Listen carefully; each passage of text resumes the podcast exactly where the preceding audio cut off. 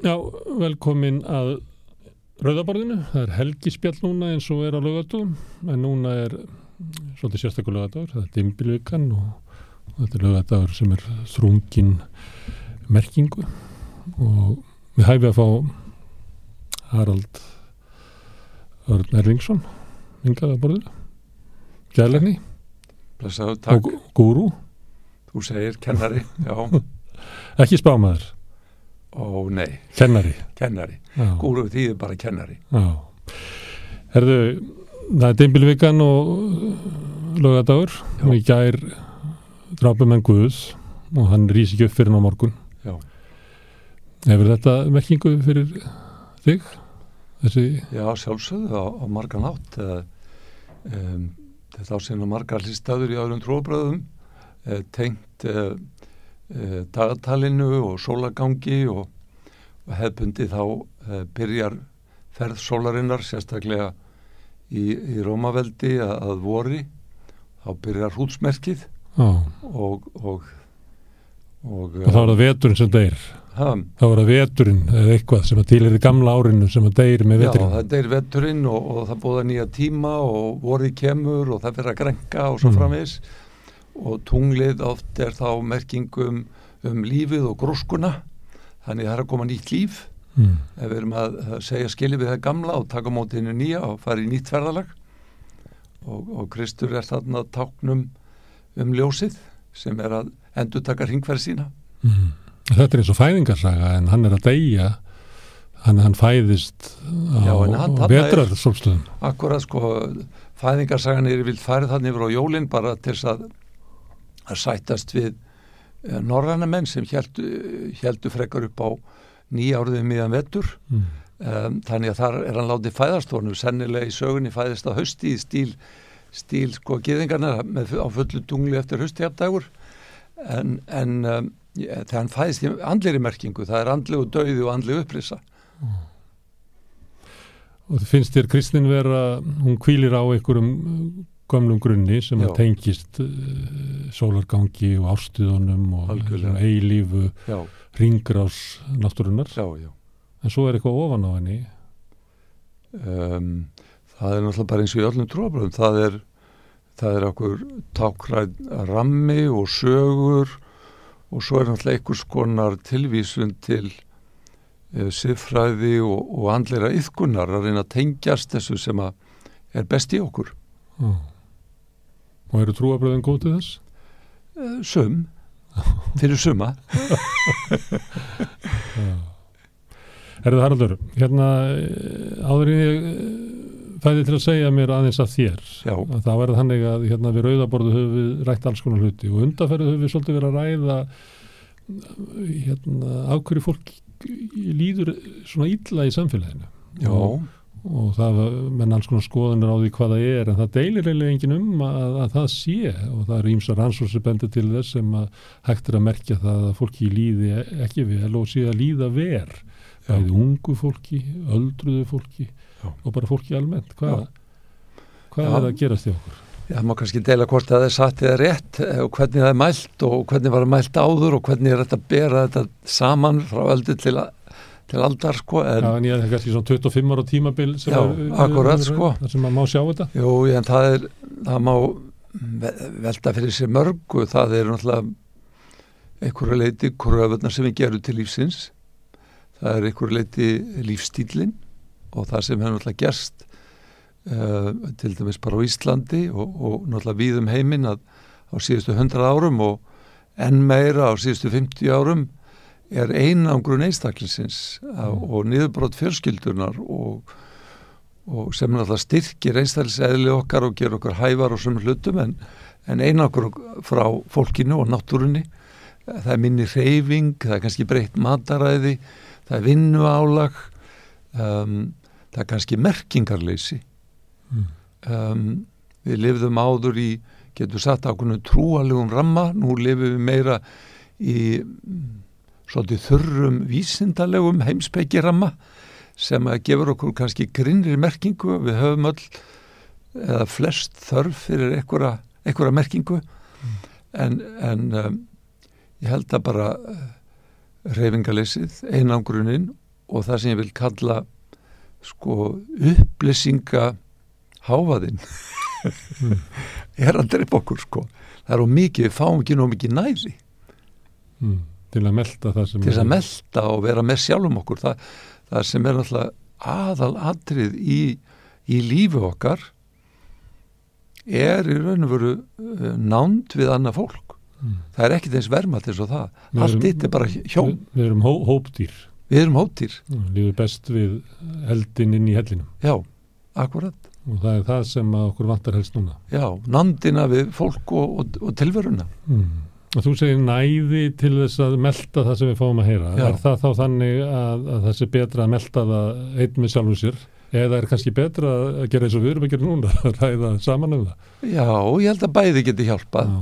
við erum kannski, við erum öll mismunandi og það má kannski skipta fólki gróft séði hvort að við erum á útkverfurófinu eða innkverfurófinu Já. sumir þurfa og una sér ekki einsend og þurfa mikil samskipti aðrið þurfa ákveðið magna veinsend til þess að bara halda efægi Já.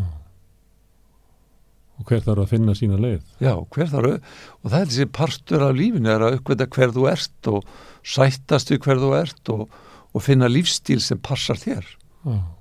Og þá væri gott samfélag væri þannig að það myndi styðja við ólíkar þarfir ólíks fólks. Já, ég held að þetta sé eitt af grunnverkefnum uh, skólans.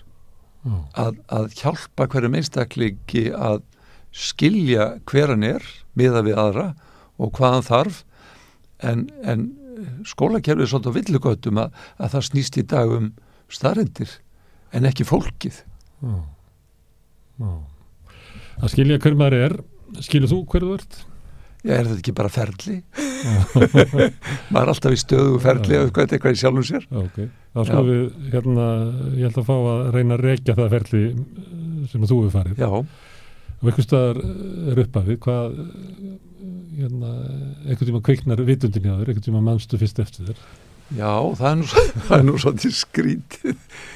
Ég, ég man eftir mér fyrst standandi í fæðingarstofunni og horfa á móður mín að fæða barnið. Já, já Horður á eigin fæðingu Já, Já, og hvernig útskýrur það fyrir hvað var þar já ég veit ekki hvort það þarf að útskýra það. Ég, ég, ég bara þetta nú ekkert um að ég var núlingur undir móður mína og lísti þessari mynd í smáatriðum.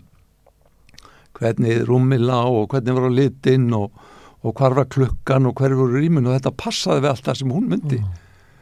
en, en um, ég veit það ekki en þetta er allavega fyrsta menningi hvernig sem við viljum tólka hana Men leið mér að spyrja bara eins og hinn vantrúaði, hvernig má þetta vera?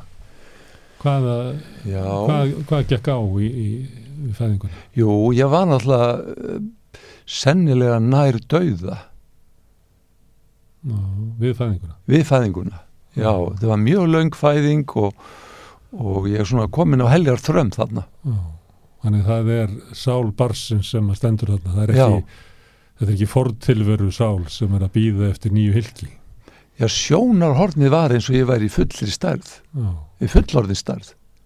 Það er ekki sál bara í einni stærði ég, ég veit ekki, sjónarhornið var þannig Já. sko, og mér fannst ekkur vera við hliðina á mig líka. Já, já, og hver getur það ekkur góðviljaður ég veit ekki, karlmaður, ég veit ekki hver hann var. Mm. En ef að þú hefur ekki ratað aftur í, inn í lillabannið, já, hvað hefur orðið unnið? Já, það veit ég ekki. Það er, um, maður getur haft ímsar hugmyndur um hvað gæti gert en maður veit ekki.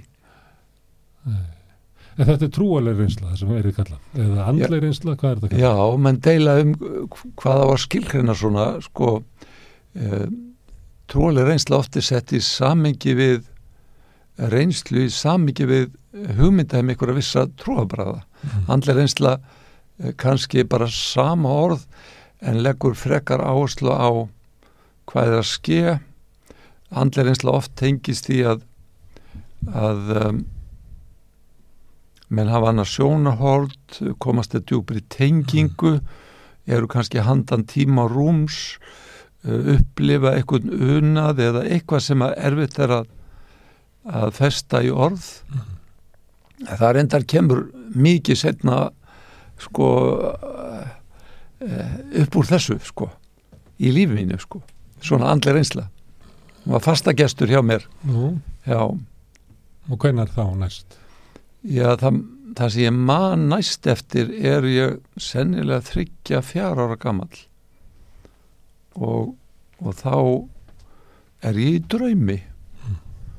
Og ég er þarna bara í í íbúðinni sem við byggum svo Rauðaleg 69 og, og ég er að, að, að horfa út um gluggan og ég sé bara einhverja ljósveru rigna niður í kringum allt húsi og ég fyrir glugga og glugga og, og mér finnst þetta undursamlegt og það var einhver sko svona óumræði gleði í brústinu Mm.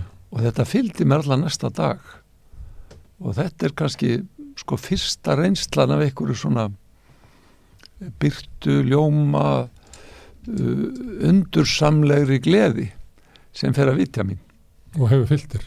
já, nær kannski hámarkið þarna senda úlinsárum sko en, en hefur komið alltaf af og til Mm. Þannig að þetta er upplifun sem er sterk í sem mjög sterk, já, já, Svo fer hún Já. og þá kemur bara mánundagur eftir. já en, En en má, hvernig, hvernig flytur þessa upplifun sem er líklega fullvissa um einhverja fegur og einhvert fríð, hvernig flytur það inn í eril saman mánundaginn? já það kemur söknuður.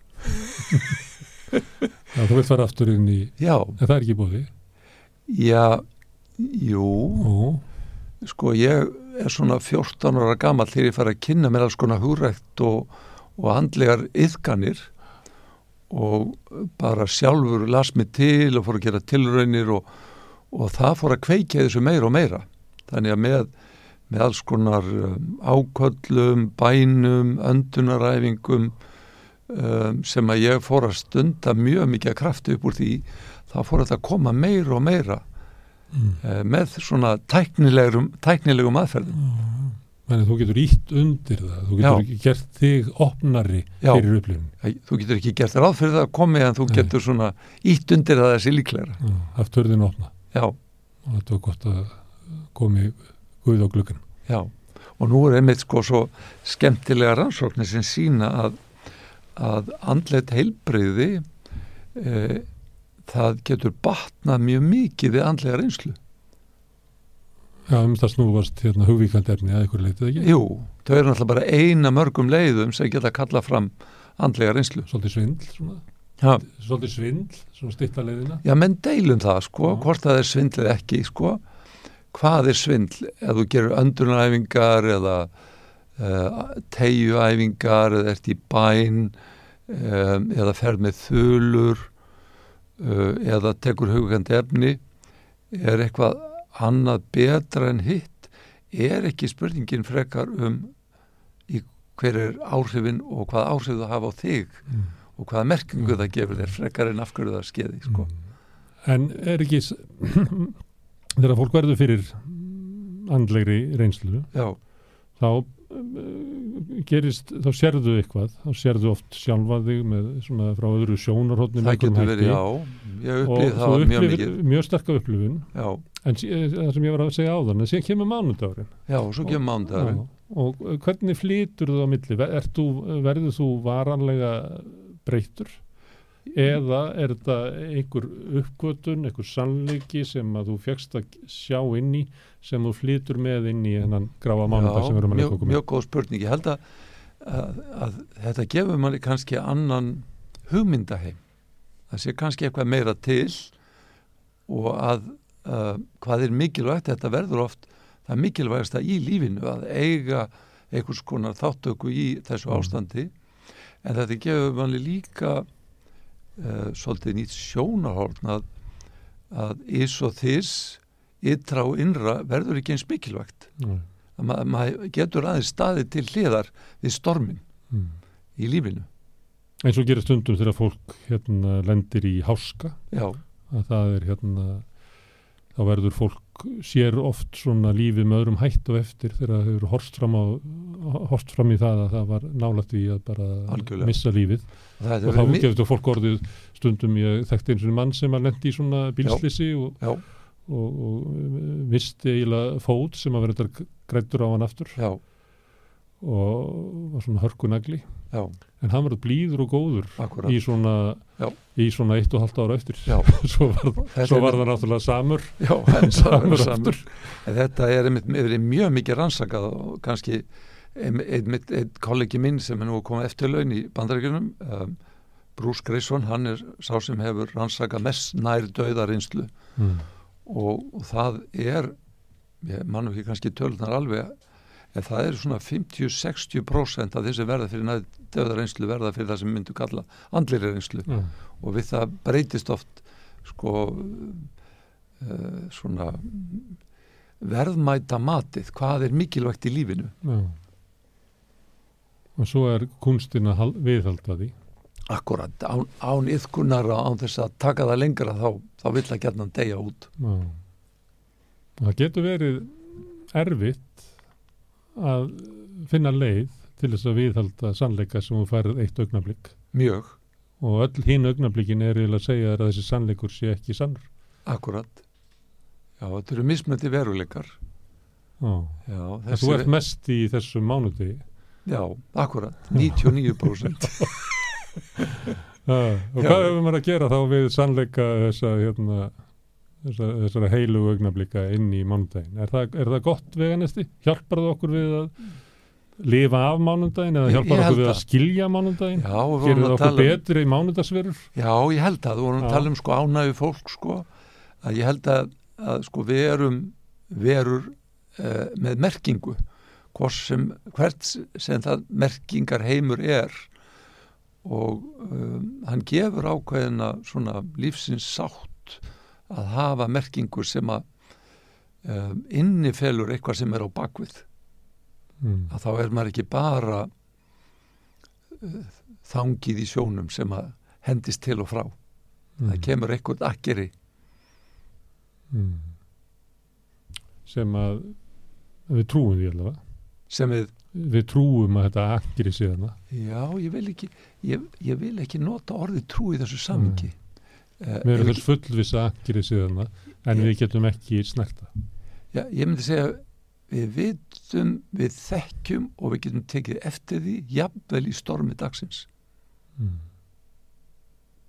Herðu, eh, Haraldur Lilli, já, hérna, hann hefur verið næmari heldur en fólku flest. ég, svolítið já, Mm. Já. Er þetta gjöf?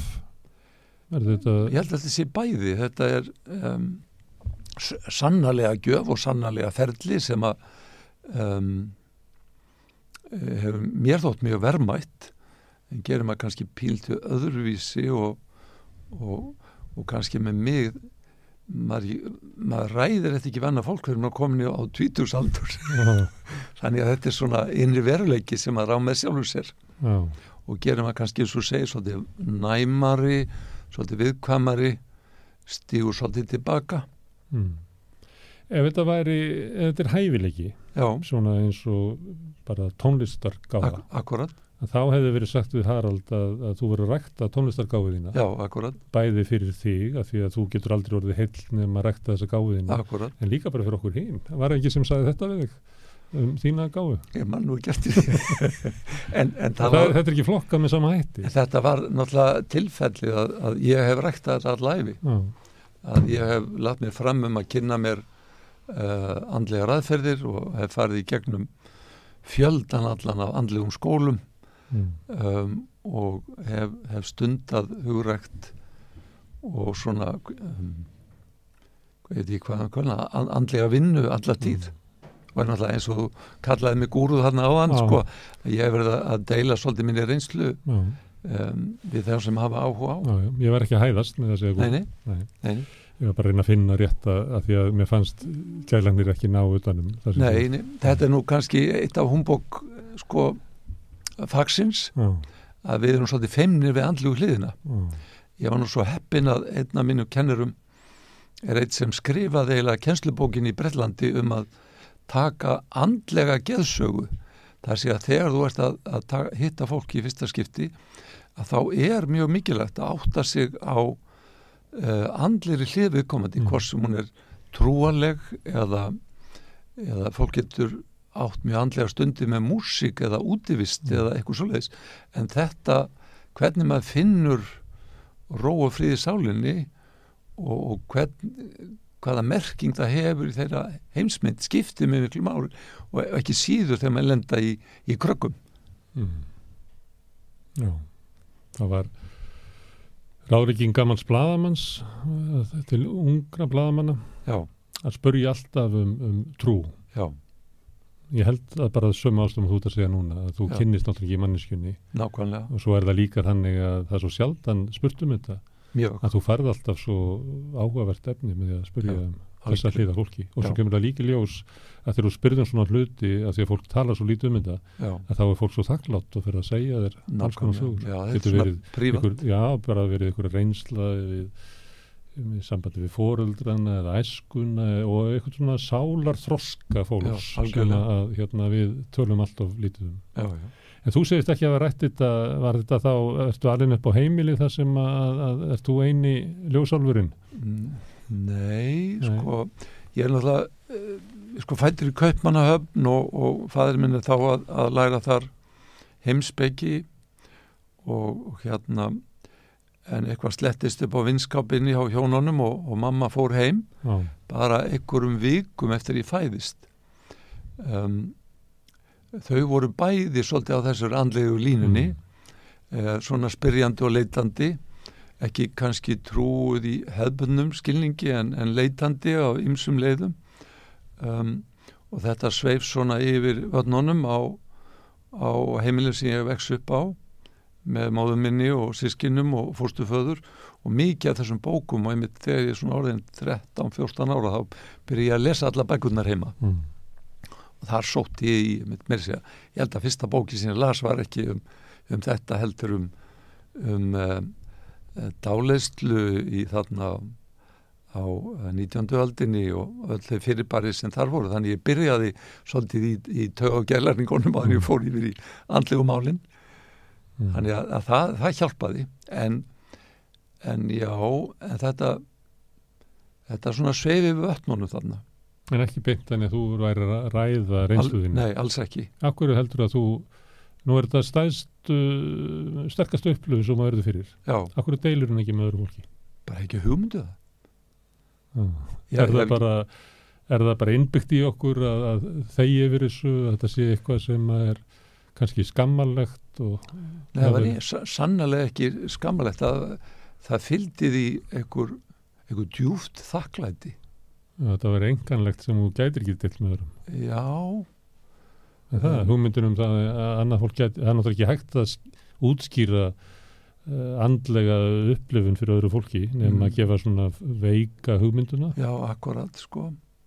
Og ég, sko, fyrir utan þetta þá, þá kom til mín oft eh, svona, ef ekki að kalla það, hvítklætt kona eða geðja Mm. og af og til í gegnum alla barnæskuna og, og þetta var svona mín huggun, mín, mín sálar næring Mm. um, en nei, ég tjáði mig aldrei um þetta Mm. Og er þessi já, er hún svona þín vendargyðja? já, ég held ég verðum að segja það Haldið blessun yfir í Já. æsku? ég held það, já, En lendur þú í raunum? já, Þurft- já, já, já. Mm. ég lendi í Þannig að raunum þú þurftir á vendina að halda? ég þurfti að verndinu og styrknum að halda Já. Já, já, Viltu segja mér frá þeim raunum? ég veit ekki hvort það er viðeigandi sko, en, en um, um, það var svolítið erfitt heimilið sem ég ólst upp Já. ég er náttúrulega sko uh, barn og fyrra hjónabandi og, og ég átti mjög erfið samskipti við fórstuföðu minn Já.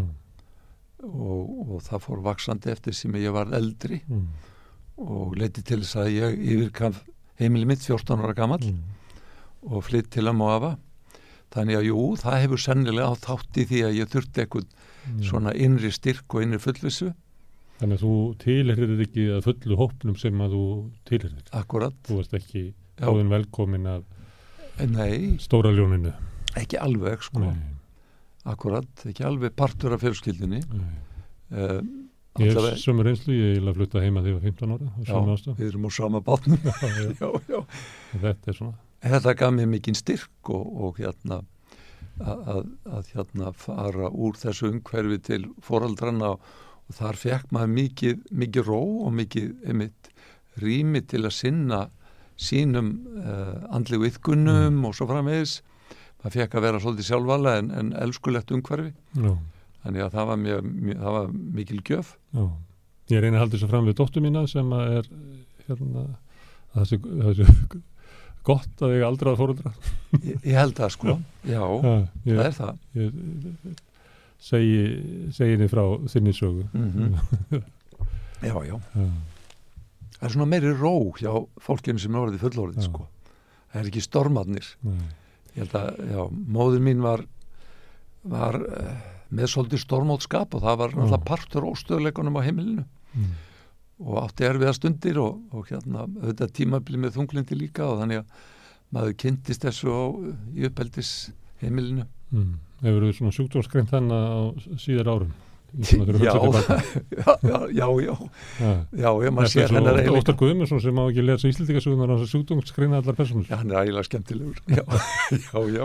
En er þetta sem að gæla hann að gera þegar þeir horfa aftur að Já, þetta er nú kannski svolítið platt. Við erum, gellarnar er, erum alltaf að reyna að tólka og setja í ramma alls konar fyrirbæri hjá fólki mm, sem eru í sjálfu sér eru bara mannlegir og eðlilegir mm, en við kannski sjáum eh, erfiðustu hliðina þar sem fólk er ekki lengur að höndla alltaf spurning hvað á að setja mörkin.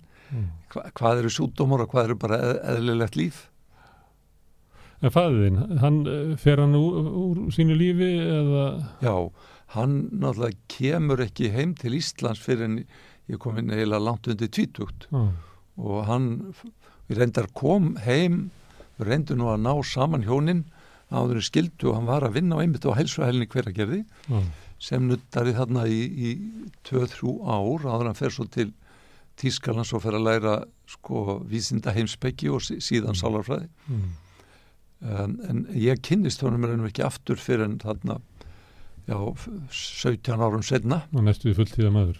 já, Já, og hann gekk mér náttúrulega aldrei í föðustad nei, hann var í besta falli kunningi. Já, já, þannig að þið voru ekki, þið voru ekki tengdir.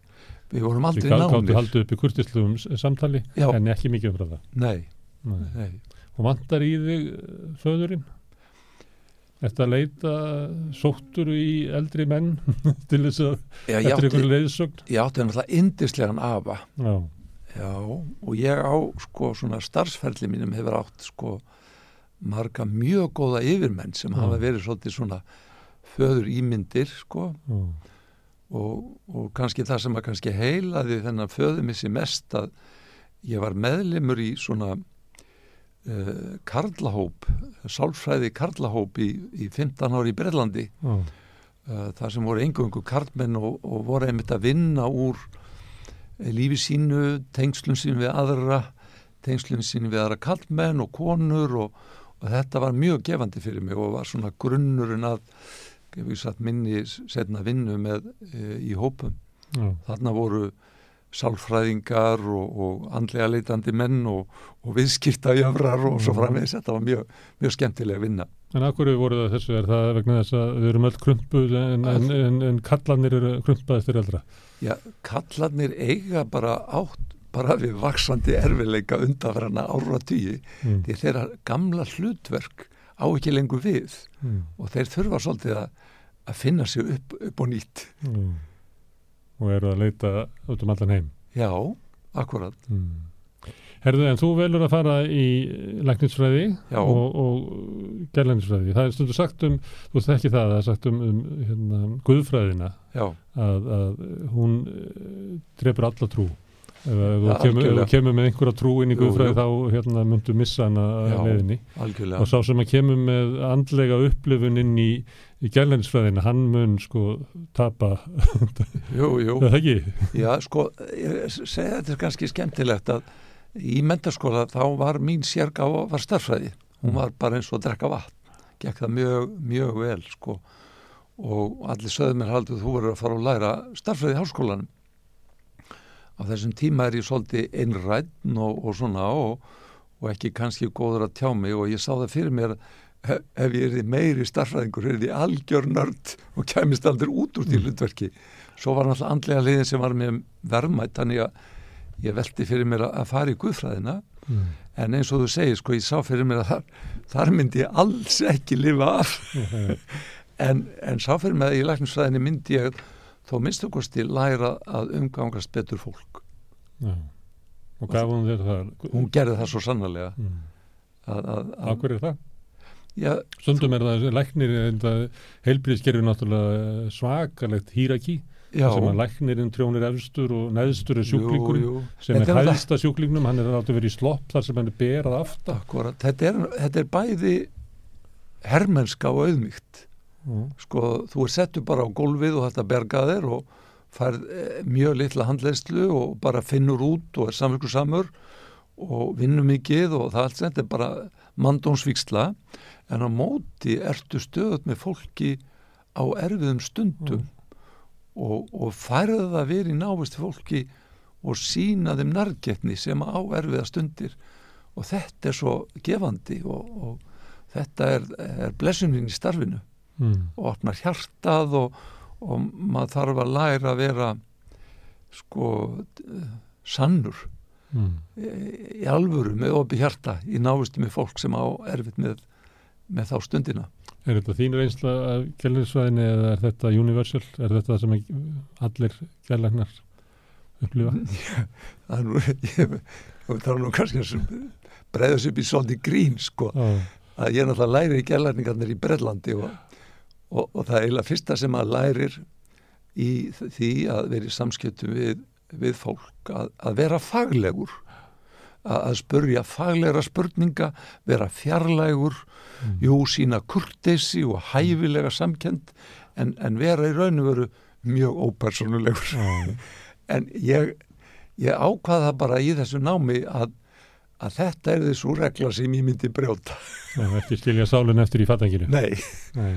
nei Þarna- og, þetta þú væri ekki alveg- varaður við því raunverulega í, í kerfinu, er þetta varaður við því að, að tengjast, að finna til og mikið með sjúklingunum. já, Og ég- er, er- er, viti þeirri því? já ég held að það sé einhverju leiti viti ég get nú bara að fyrstu tvö ári sem ég er að vinna þannig nýri Breitón að, að þetta voru sannlega erfið ár Mm.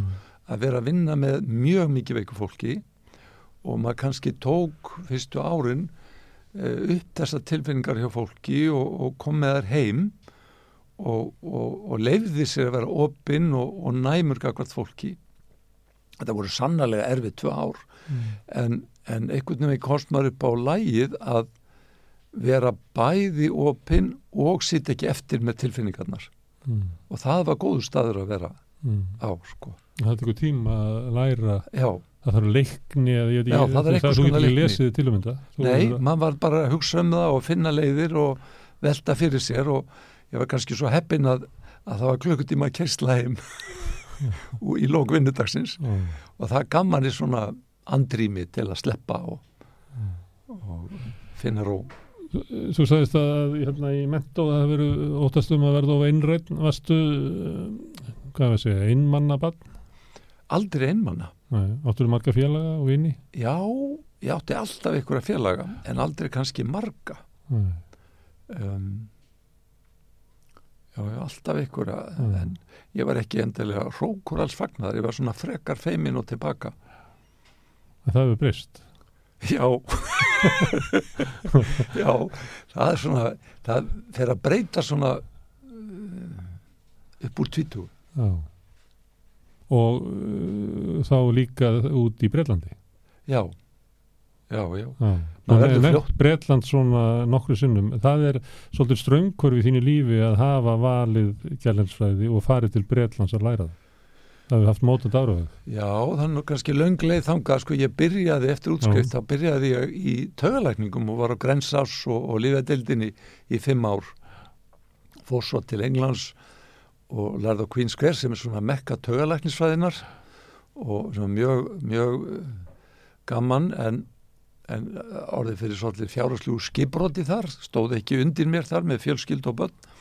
Þannig ég fer að svona í svona fer heima að, að vinna í, í hérna í héraði og var þar í sko fjög, fimm ár svona með hljöfum og lendir svo í slísinu í Flateri og læknirinn á staðnum mm. og hafði þessum tíma verið að að læra einmitt sko íminnskona sálfræðilega meðferðir og sem nýttist mér mjög mikið þannig í, í snjóflóðunum á Flateri og upp úr því ákveði það nú kannski komið tími á að fara í, í gerlækningar. Ég ætlaði eiginlega fyrir uppæði þegar útskafast að fara í gerlækningar en í náminu þegar ég var á Kleppi þá þá kannski af því ég var næmur og viðkvæmur þá hrildi mig við geteldunum Mm. þetta voru svo dimmir staðir það var svo fólk sem var svo mikið veikt Hvað ára þetta? 1980 þetta er eitthvað fyrir 1980 sko. mm. Þannig að þetta vísa á deild 1 þarna upp í ári í já, kleppi sko, þetta var, þetta var, það var mjög erfið reynsla fyrir mig þarna á, á getildinni sko, ég segi bara þetta, jú, þetta er það sem ég vildi gera en þetta bara get ég ekki en svo þegar ég er búin að lenda þarna í í flaterar slíssonum Mm. þarna og reyndar áður í eh, snjóflóðunum á Ísafyrði og snjóflóðunum á Súðavík og, og skipsköðum og Mm. þá var ég fann að menta mér í áfalla uh, vinnu Mm. þannig að ég ákveðilega að fara í gælumsend til þess að sérmenta mig í áfallavinnu Mm. og það verður svo raun og verið mitt undir sérfag Mm. áfallavinnan Þannig að þetta eru mörg ár þessi leið já, fór, ég fór mjög langa leið inn í gælumsæðina Mm. sko. og, og, og sem nýttist mér mjög vel og að hafa þennan afstuð að komast inn að fór ég fljótt inn í að dýfka uh, mína sálfræði þekkingu og, og meðferði bæti, bæði Freud og Jung og, og tók masterspróf til dæmis í hugrætni aðfellis meðferðin á bakvið var náttúrulega Jung minn lærimestari sko og en var alæta á allar sálræna meðferðir sem að hjálpuðu við áfallavinnu mm. En leiðin inn í svona tauga lífræði, það er, það er, svolítið, það er frá sálinni að því að, að kanna heilastarsumin kannski séu við ekkert annað heldur en bóðefnin og sem svona verið svona ríkjandi hugmyndir í og fram einmitt, tíma. einmitt sko upp úr svona 1995 verður eiginlega klopningur innan geðlæknisfræðinar Já, og alveg svo þú ert að vísa til að, að það verður ofan á svo afstafa að geðlækningar séu bóðefna já. og frekar en að þessi gamla hugmynd bara evróska menningar sem að uh, þróast náttúrulega betur með Freud og Jung og þeir sem á eftir komu að hún var eiginlega sett til hliðar og, og mentun geðlækna byggðist eh, fyrst og fremst á að skilja einkenni mismunandi bóðefna tröflana Mm. og í besta falli læra grundvöll í hugræðni atveldsmeðferð og, og, og bara atveldsmeðferð en, en ég myndi segja að þetta er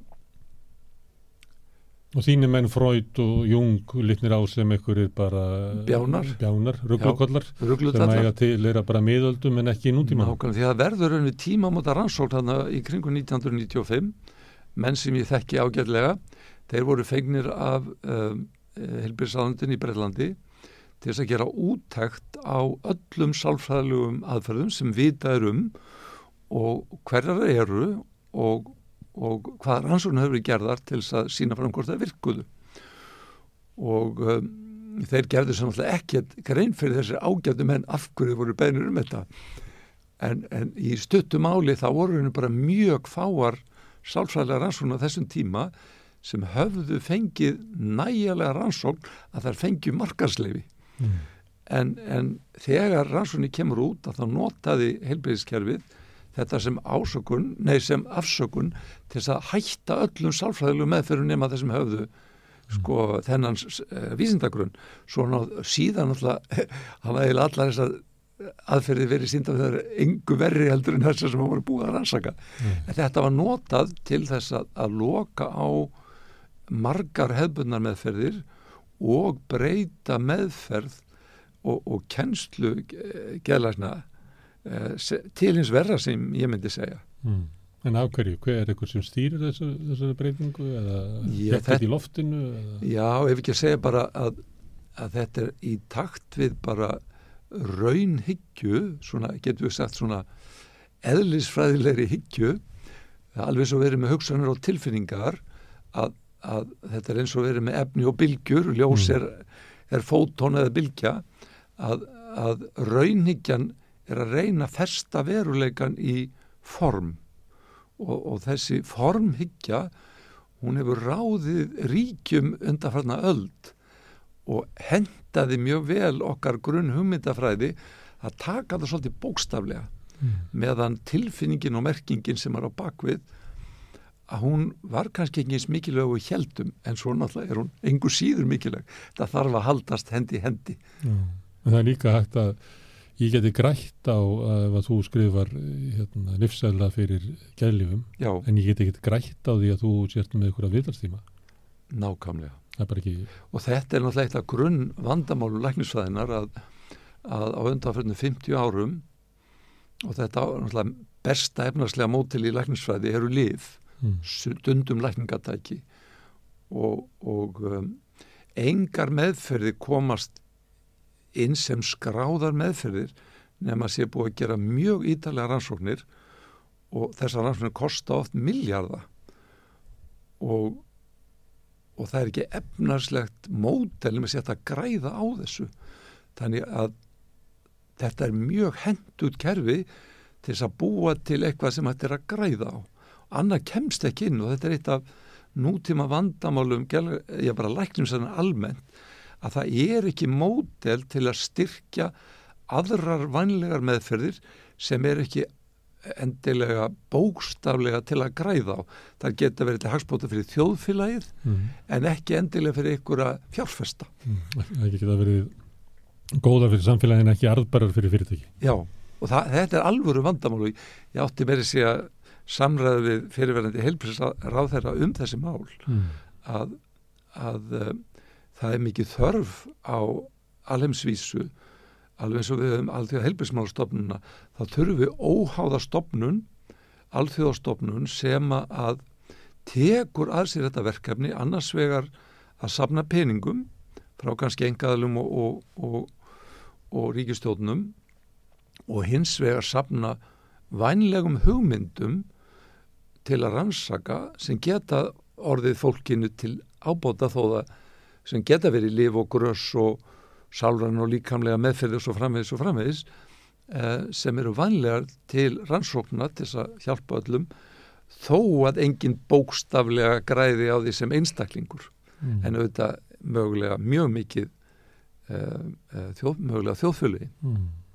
En þessi svona, hvað við segja, svona manngildis hugmynd sem að tengist þessum svona bóðarna búskapi heilans Já, um að við erum eiginlega byrtingamyndir einhverja bóðarna sem að já, já, og, og það setja að mæla þetta og ég man eins og satt ég fyrirlestur þar sem maður var að fjalla um þetta. Já, og fyrirlestur var að segja að það var ekkert að einhvern tíma gætu við einangrað hérna bóðefnið eða, eða hvað gerðist eða útskýrtað í gegnum bóðefnin já, hvað gerist þegar Haraldur já, sér rennur saman við alheims vitundinu jú, jú, jú, og þá gætu við tekið það upp kannski svona og sagt að hérna Haraldur hér er Guð. Já, hér er Guð, hann er í þessu mólíkúli. Já, þessi mólekúli Þetta er nú kallað oft DMT mólíkúlið, já, já.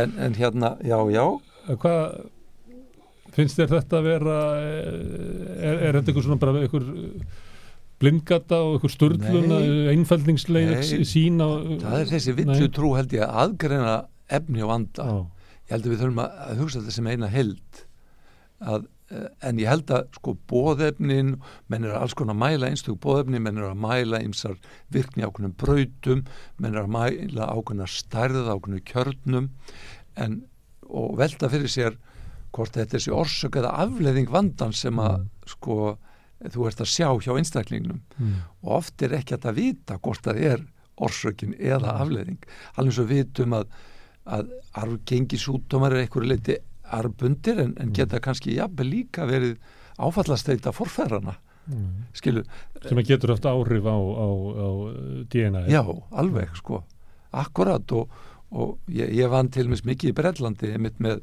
þriðju generasjón af um, gýðingum sem lendu í, í það sem bara mm. sko bara rísastóra ættir voru bara drefnar og kannski ein, tveir lifðu af og þetta voru einstaklingar sem áttu bara mjög erfitt Mm. og, og uh, einmitt þessi Karl Ábur sem ég var að segja frá meirilut þetta voru þarna gýðingar Já.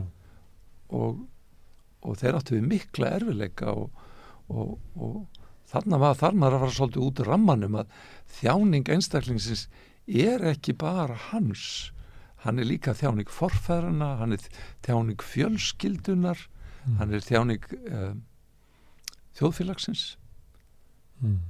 Þa, það, það, það er svo marg sem kemur inn. Mm. Ég er, að, ég er að reyna að fanga því að útskýra hvernig heimurinn er. Já. en síðan eins og núna Já.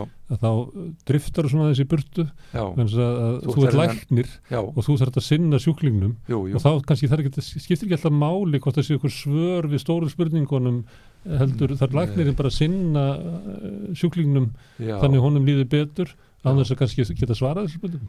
Jú, sko ég held að uh, fólk kemur náttúrulega með þjáningu og mjög vandamál. Þú þarf náttúrulega að vera sannur áherandi og bara vera sannur áherandi um, sem við kallum empathy á ennsku það er minnstakosti 75% af árangri allra inngripa, hvort það eru sálfræðilega efni, efnisleg. Mm. Sko þannig að ef að þú getur verið til staðar og þetta, ég ætla- ég var náttúrulega kennari um, uh, fyrir gerlæknis nema í Brellandi og þetta kendi maður nemanum og kendi maður að mæla sig og, og mæla hjá sjúklingu og þeir voru góðir í að sína hjarta sitt og áhærn og svo framvegis. Þetta er þetta bara stærsta lækningatækið ekki bara hjá gerlæknum, hjá öllum læknum og eiginlega bara öllu fólki. Þetta er, þetta er það mikilvægast í öllum samskiptum. Það verður eitthvað góðan andlega kjarna og einhverja innri kyrð þá getur gert þetta betur heldur en annars Mm. ef þú ert í hjóminu og, og svífur yfir þeinum eigin tilfinningum átt ekki þinn líkam og tilfinningar þá finnur einstaklingur þetta fljótt að, að þessi einstaklingur er ekki að hlusta á sjálfa sig hvernig getur hann hlusta á mig? Mm. þetta er svona ómeðvituð tilfinning sem fólk fær í viðtölum. Þetta er auðvitað bara aðalatið í, í öllir lækningsfræði og náttúrulega mest í, í gerlækningsfræði Mm. þetta er, þetta er, er ekkert eins verðmatt eins og bara þetta eitt. Og virkar það líka þannig að, að þú getur ekki hlustað á þig ef þú hlustar ekki á hann? Já, það, það er það sama já og það eitt af því sem við þannig lærum að maður fer ekki og hlustar á sjálfan sig í 13 ár og kemur svo fullfærum að hlusta á aðra já, og maður þarf að halda áfram að hlusta á sig og þetta er eitt af því sem að Freud kennir og freudíska hefðin eh, við kallum þetta meta-consciousness að í viðtalinu þá hlustar ekki bara á það sem einstaklingur segir Mm. eða tjáir sér með andliti og augum og höndum heldur, þú getur í til um hvernig hann líður en þú hlustar líka á hvaða tilfinningar vakna í þér mm. þegar þú situr með honum og hvort að þær tilfinningar geti verið þínar eða hans eða hvort að ef að þessar tilfinningar ofinu sterkar hvort að það séu að varpa ykkur inn í fortíðina Mm. þannig að þetta er þarna þarf þetta að vera svolítið fimur að, að, að sita og hlusta á þig og viðkomandi Já. og þú skiptir máli þegar þú hlustar Já. Þú skiptir miklu máli og þín afstæð og, og þín kyrð og einmitt þetta meta-consciousness að þetta að hafa þögn og ákveðna fjarlag við þig en samt vera nálægur þetta er kannski svolítið snúið en, en, Mm. en þetta er svona þetta er, þetta er listgreinin mm. Herðu, ég hérna Ha- Haraldur næmi Já. og hann fer síðan í, í mentaskóla og, og háskóla og lærir tauga lífsfræði eða hvað? Já, já, Já, og uh, fer síðan út í héruð og jú. þar hérna raunveruleika lífsins. Algjörlega. Og það verður fyrir þá okkur köllunum að það sé hægt að vera heilari eða læknari og, og þá, ferðu til hérna Bretlands já, og samkvæmt sögunni að þá ætti það að gerast að þar verður það til að þú getur nýtt alla þessa reynslu andlugur reynsluna og þekkinguna já. til þess að, búa til læknin Jú, jú, það má kannski segja það að ég, sko, e- þegar ég er orðin útskrifaður og sérfræðingur og ég fyrst uh, þá uh, fer ég hafa áhuga áfram á áfallastreitunni og, og svo, svo kallari persónleikaröskun sem er raun og veru á alvarleg flókin áfallastreita og ég raki sjö ár sko efstastiks um, þjónustu fyrir konur með mjög mikla áfallastreitu sem eru einn veikustu sjúklingar í Breðlandi, bara fá eina deildist líkar í Breðlandi og, og þar var, þurftum maður að beita öllum þekkingum, mm. eh, næringu, hreyfingu, hópvinnu, einstaklingsvinnu, um, uh, áfallavinnu, uh, allir í þekkingu á, á geðlífiafræðinni og svo framvegis.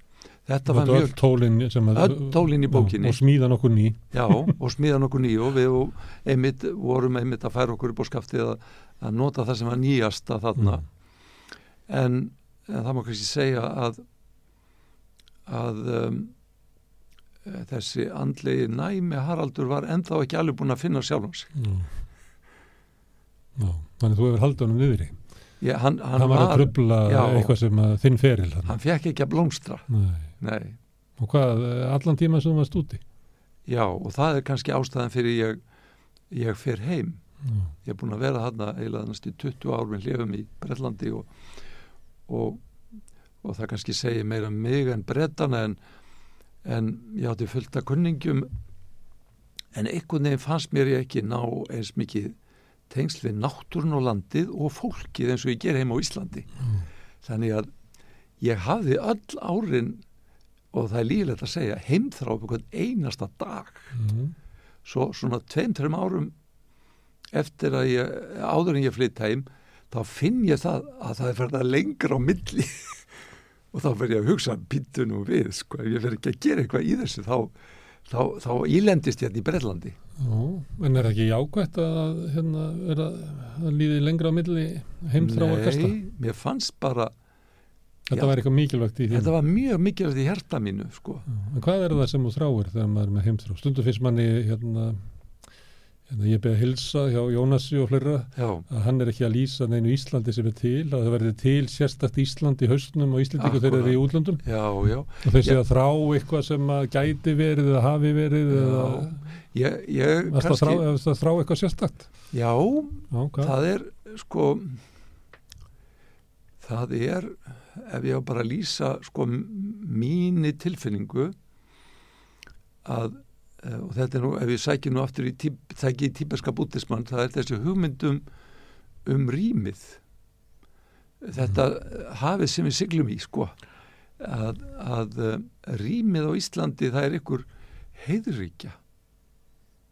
Það að landið, það er landið. Það, langt Já, og þá er ekki Og- að tala um blái litur verður einhvern veginn svo sérstakur Já, að, en líka bara heiðir ekki að hugans já, það er eins og að, að þeir andlega rými eða, eða vitunda rými landsins er einhvern veginn svo indislegt hér á ég heima. Já. Þetta er nú kannski ekki svona, þetta er ekki líkt sjálfsmið þjóðarinnar sem að lítur á sig sem þraskjarna smábændur. Já, Já, já en, en ef við förum aftur til heiðninar að, að þá var alveg fram yfir lútersku uh, aðal yðkun heiðinamanna sem er blótuð og laun fram eftir öldum var það sem kallaðir útisetta Já. þetta er uh, minnst að þetta svolítið í völusbá þegar, þegar völvan segir ein satt hún úti þegar hinn aldni kom að, að við höfum þetta eitthvað í okkur að á Íslandi og kannski allstaðar en hjá Íslandingum örglega að við finnum ákveðna fyllingu að vera bara úti í náttúrinni mm. uh, vera í þessu landi, horfa á fjöllin okkar tengjast þessari tilveru hérna. Og hérna já. Þa, og það þú gerði það, ha, og þú gerði það. ég gerði það. Ímsar aðra hlýðir á því sko en, en já, það er mjög mikilvægt í mér sko. Mm. Og þú talaði um hérna um sambandi við það um líðan og eitthvað fleira, þá nefnuru reyfingu og Já. að maður verið að sinna hilkinu já, akkurat, og, og hérna það að vera úti að þá er það líklega loftið og eitthvað anda fleira. fersku lofti og reyfa sig Já. og við höfum öll þörf fyrir bara mikill reyfingu alla daga Já. um, Var það sem að þú mælir með ef að ef ég kem til þín þunglindur og kvíðinn og Já, segir mig þá að fara í góðan göngutúr og setjast á stein og ég er svolítið prakkari og ég Já. nota svolítið húmorinn í mínum viðtölum og mm, ég segi við því fólki sem kemur til mín að, að það þurfi svona aðeins að reyfa sig meira. Þess ef mann er þunglinda þá sé nú eiginlega lámark að reyfa sig 5 klukkutíma á dag. Sem að henni þunglinda finnst bara óbærilegt. óbærilegt Já, ég, og ég segi bara eh, taktu strætónir og hlem já, og, og, og takt hann svo heim fimm tímur setna já, og bara rölti niður lögavegin og kíktu í búðir og fáðu þig kaffisopa og, mm, en, en þú mátt ekki fara heim fyrir en þú er búin að taka fimm tíma. Mm. og líðir fólk? Já, við tókum eftir þessu á heilsuhælinu sko, Mm. þar kom fólk náttúrulega, við höfum geðið til mig þar og, og, og þar kom fólk inn jafnvel í alvarlegu þunglindi og, og, og oft kannski mismikið mis hrifið fyrir allir svona náttúrufæði og allir þessu útiveru og, og svona en maður sá bara oft eftir eina viku það var bara gjörbreytt ástand hjá Mm. fólkinu. Það var samfélagið, það var útivistinn og, og bara ró og rútina já, að það breytti bara mjög miklu. Mm. þetta var nú uh, aðferð sem að notuð á miðöldum og uh, fólk nýti sér æg meira núna er að bara ganga sér til heilsu. Já, akkurat, fara. Jakobsvegin já, já, en uh, fólk halda að það sé að að ganga sér til einhver að einhverju helgiskríni en auðvitað er að leiðin sem er lausnin en ekki Akkúrat. endastafurinn það ferlið en ekki, Já. ekki, ekki hvert er farið. Já. en þú veit þú skilur lækninguna í, í, í slíkum Já, ráðlíkingum mjög mjög mikið já, já, mjög mikið. Það er bara að lappa af stað. Og auðvitað, sko í þunglindi þá, þunglindi er má kannski te- tengja einhvers konar áfallastreitu hugurinn verður upptekinn af einhverju í fortíðinni sem er óbærilegt að einhverju leiti og gefur með alls konar ásakanir og dvelur við það nótt og nýtan dag, dreymir bara um vonda hluti og, og svo framvegis. Og, og þetta er nú partur af hugræðinu atvinns meðferð að, að beina aðteklinni að öðru. Það að dvelja við þetta gerði veikari. Mm. Þannig að hugurinn þarf að velja sér önnur viðfangsefni. Það að draga dauðan og djöfulinn inn í miðpunkt vitundarinnar gerði veikan. Þú út í Brellandi þá varst að fást við áfallastreitu já, og áföll fólks. Já, og það er svona fyrirbriðið sem við ræðum meira núna heldur en já, heldur en fyrir 10 árum eða 20 Algjörlega. árum, ég tala ekki fyrir 30 miklu árum. meiri skilningur. Miklu meiri skilningur og, og er svolítið svona eins og það sé svona endurmat í gangi að það eiginlega þýði ekki að fjalla um neina sko sjúkdóma nema að skoða áfallasögu viðkomandi. Já, já, og ég fel ekki bara þú kannast bara við rannsóknir áfallasögu íslenska kvenna að, að þú þarf eiginlega að, að rannsaka það og skilja það bara til þess að skilja bara stöðu kvenna í samfélagin jú, jú. Mm. ég, ég kannski hef píldu óheðbunna sko skoðun að þessum málum. Mm. um, ég snýði svo svolítið á kvolf Mm. áfallastreita er ekki vegna áfalla Nei. heldur vegna skertri hæfni Mm. til að höndla eitraða tilfinningar og minningar uh, sem myndi kannski segja akkurat öfut að, að áföll valda skertri hæfni Mm. en ég held að grunnurinn sé skert hæfni og auðvitað þegar það fá allir áföll í lífinu Mm. ég vil ekki eins og tala um áföll ég vil frekar tala um að við verðum öll fyrir þroska verkefnum Mm. og sem er bara partur af lífinu Já. og, og hæfni okkur til að mæta þeim og vaksa frá þeim og verða sterkari fyrir vikið er mismikil og fólki sem færa áfallastreitu er fyrst og næsta fólk sem að ja, mögulega ekki náttúrulega hefur gáfur til þess og þá þarfst að finna leiði til að bæta hæfni þeirra til Mm. þess að vinna úr þessum hlutum. En við erum bæði einstaklingar og svo erum við hóp dýr. Já, þannig að getum við ekki þá líka sagt að, að uh, þetta snýst líka um hæfni samfélagsins til Jú. þess að styðja einstakling til þess að takast á við áföllum. Já, já, hæfni getur þjófnins verið að við sem að, að vera lagar í því. Nú er það þannig að, að hérna, þú getur reyndi ykkur áfalli og í sjálfum sér er, er áhrifin sem áfalli verður fyrir þér ekki eitt vandamál? Það er að missa ástvinn eða já, já, verða fyrir áfalli já, missa íbúðin eða starfið, það er eðlilegt að þetta verði sko tilfinningarlega viðbröð við þessu. en okkur hætti til þess að líta á, á minnsta frávik frá einhverju normal líðan sem Jú, jú, einhver jú. sjúkdósenginni og já, já, það er verið að ótað okkur að taka ég fyrir líf eða einhvern hanskotan til þess að komast yfir einhverja hjalla og einhver Já. vera. Getur ekki verið að við séum bara sem samfélag að verða slappari í því að, að styðja fólki sem, til þess að mæta áföllum. Jú, ég held að mörg gömul samfélag til þess bara hugsa með svo Indlandi sko, ko- kona verður ekja og, og hún klæðist á hvítu og hefur ákveði status og virðing og, og, og stuðning sko.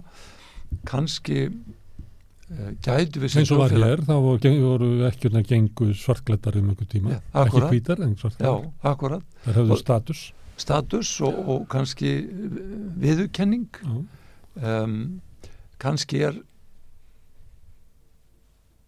svolítið nánast andlitsmissir að standa ekki af sér áföll mm. um, það er krafall að standa af sér og beigja sér hverki Nei, það er líka að fjalla þannig um bara sjúkdómsbaratu fólks. Það er allir að heia baróttu við krabbaminnið eins eins og það séu fræðilegu mólíkjur sigri döðan. Jú, það gerir hendar margir sigra en, Já, já. en það er ekki alls ekki en allir það er ekki í þinni hendi sko. Það er sá sem að tapar fyrir döðanum það Já, var ekki vegna þess að hann barðist ekki nóg. Við, Nei, við tök, getum ekki trúa því að það?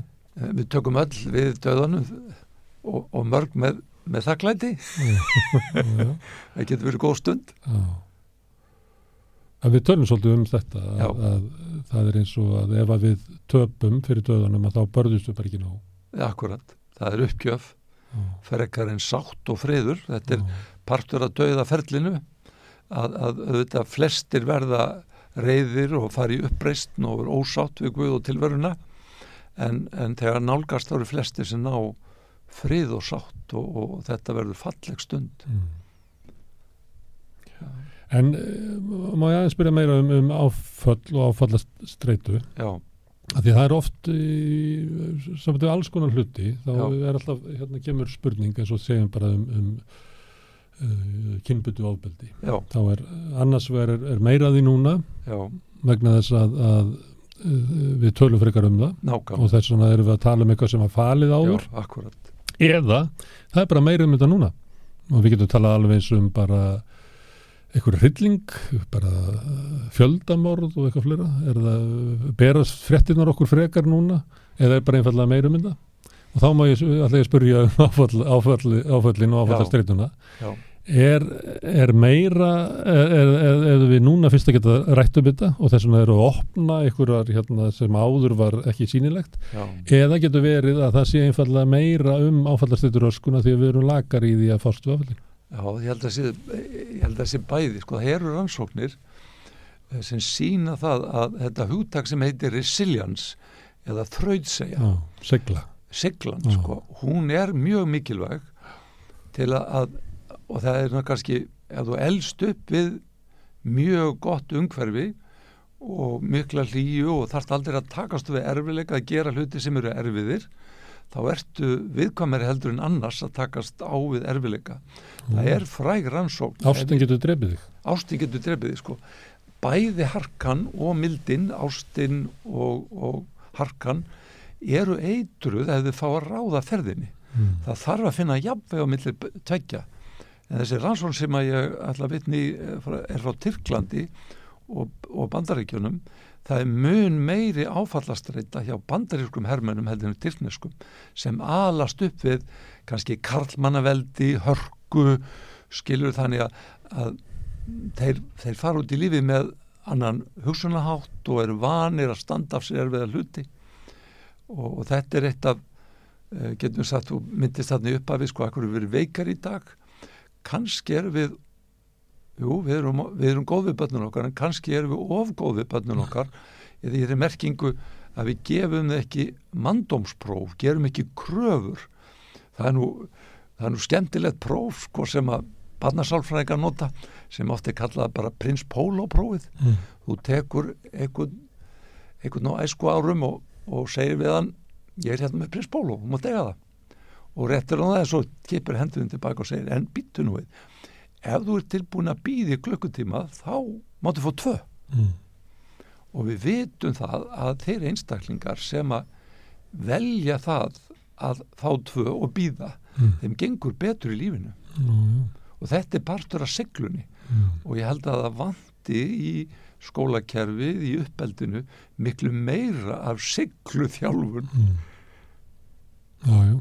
Eitt prins Pólo er óvald og tvö er náttúrulega enn óvaldari. Jú, alveg rétt sko en, en það er Þetta er talað um þetta víðar í sambandi við segluna Já. að það vanti í samfélagi. Þetta er talað um þetta bara í sambandi við til dæmis hvernig hérna, helbriðiskerfin stóðu af sér COVID Já. og það sem hafði verið mest af svona engavæðingum og hagræðingakröfum um langan tíma þess að það verið að keira uh, kerfin á einslitlu kostnað og mögulegt var já, já, að þegar kom svona áfall þá eh, er, er fólk að reyna að hvað er það sem vantaði í kerfin, okkur brotnuðu þessum staðar jú, eins og Norður Ítalíu ummönnun aldraðra á Spáni og bara Já, já. margir hörmulegi hlutir sem að gerðust og Algjörlega. þá erum menn að segja að það sem okkur vantaði er eiginlega segla í Segla. samfélagi það sem Já. við getum skrælt allar hluti að innan, þannig að þeir standa góða tíð jú, en þegar það kemur verri tíð að þá Já, já. vantar svona segluna og það, þetta byrtist á margan hátt að starfsfólki fór kannski bara heim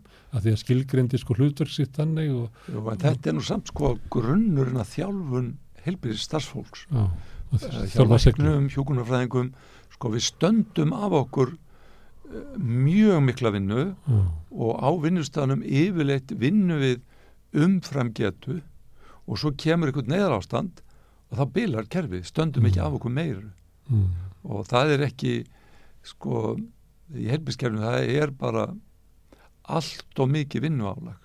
Mm. allt og mikið. Fyrir yfirleitt flestar stjettir í helbiskerfinu sko.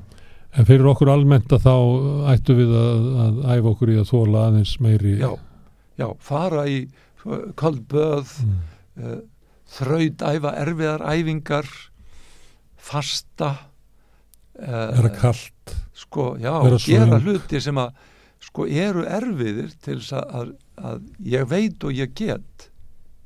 Ég, ég, ég En þessu getur oft fyllt eitthvað svona hróki sá sem að stendst þetta getur Já. orðið alveg óbærilegur akkur, það vandinn með hörkun og myndin, það er jafnvægið. Það er eins og til þess að það maður áhelst ekki að tala við fólk sem kemur úr sjó, sjóðsundi svona fyrstu hálftímana eftir. Það er svo naglar. Það er svo móttið já, já, Hmm. það er nú þessar tværliðar, það þarf að finna Já. Mamma mín sagði að móði sín hafi alltaf sagt hérna, að þú getur verið eh, vondur við fólk með að vera góð við já, mjög mikilvægt, Þannig að þú sammála Dórutu ömmu minni. algjörlega.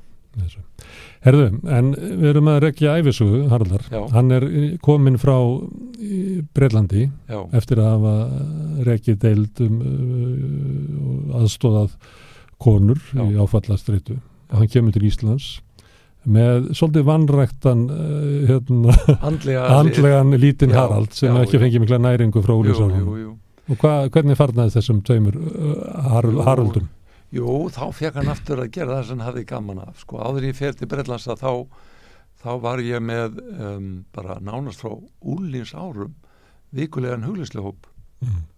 og þá byrjaði ég bara aftur í þeim gýrnum og, og fór að sinna því og, og gefa mér tíma og, og stilla mig inn á landið og, og finna mig og, og verða meira ég. Mm. En þú ert að koma heim. Já, hvernig tók heimið þér?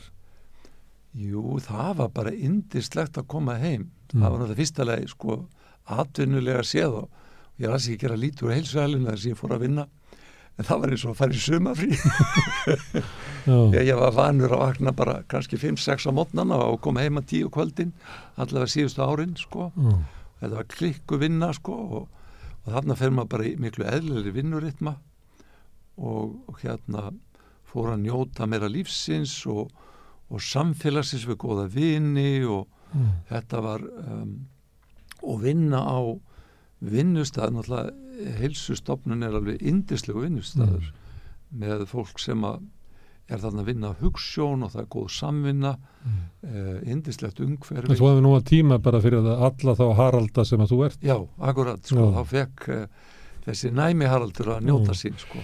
En uh, að því að fórst að vinna á, á, á, á hvað, heilsustofnun heitir var alltaf heilsustofnun í dag er kallað hælið. Hæl, heilsuhælið, Já, sem veit ekki akkur sko, orðið hæli fekk svona slæmt orða sig, líklega út af einhverju hryllingsmyndum bara. Já, akkurat.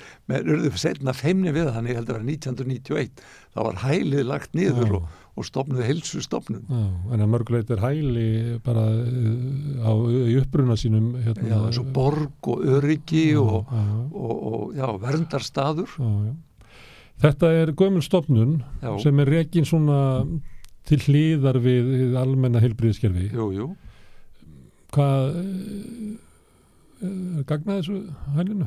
Er það gott? Já, er þetta merkilegt fyrirbríði? Þetta er mjög merkilegt fyrirbæri þetta er eins og kannski berglahælið reykjalundi og, og giktarhælið uppaflega á hælinu og, og, og svo er náttúrulega S.A.A.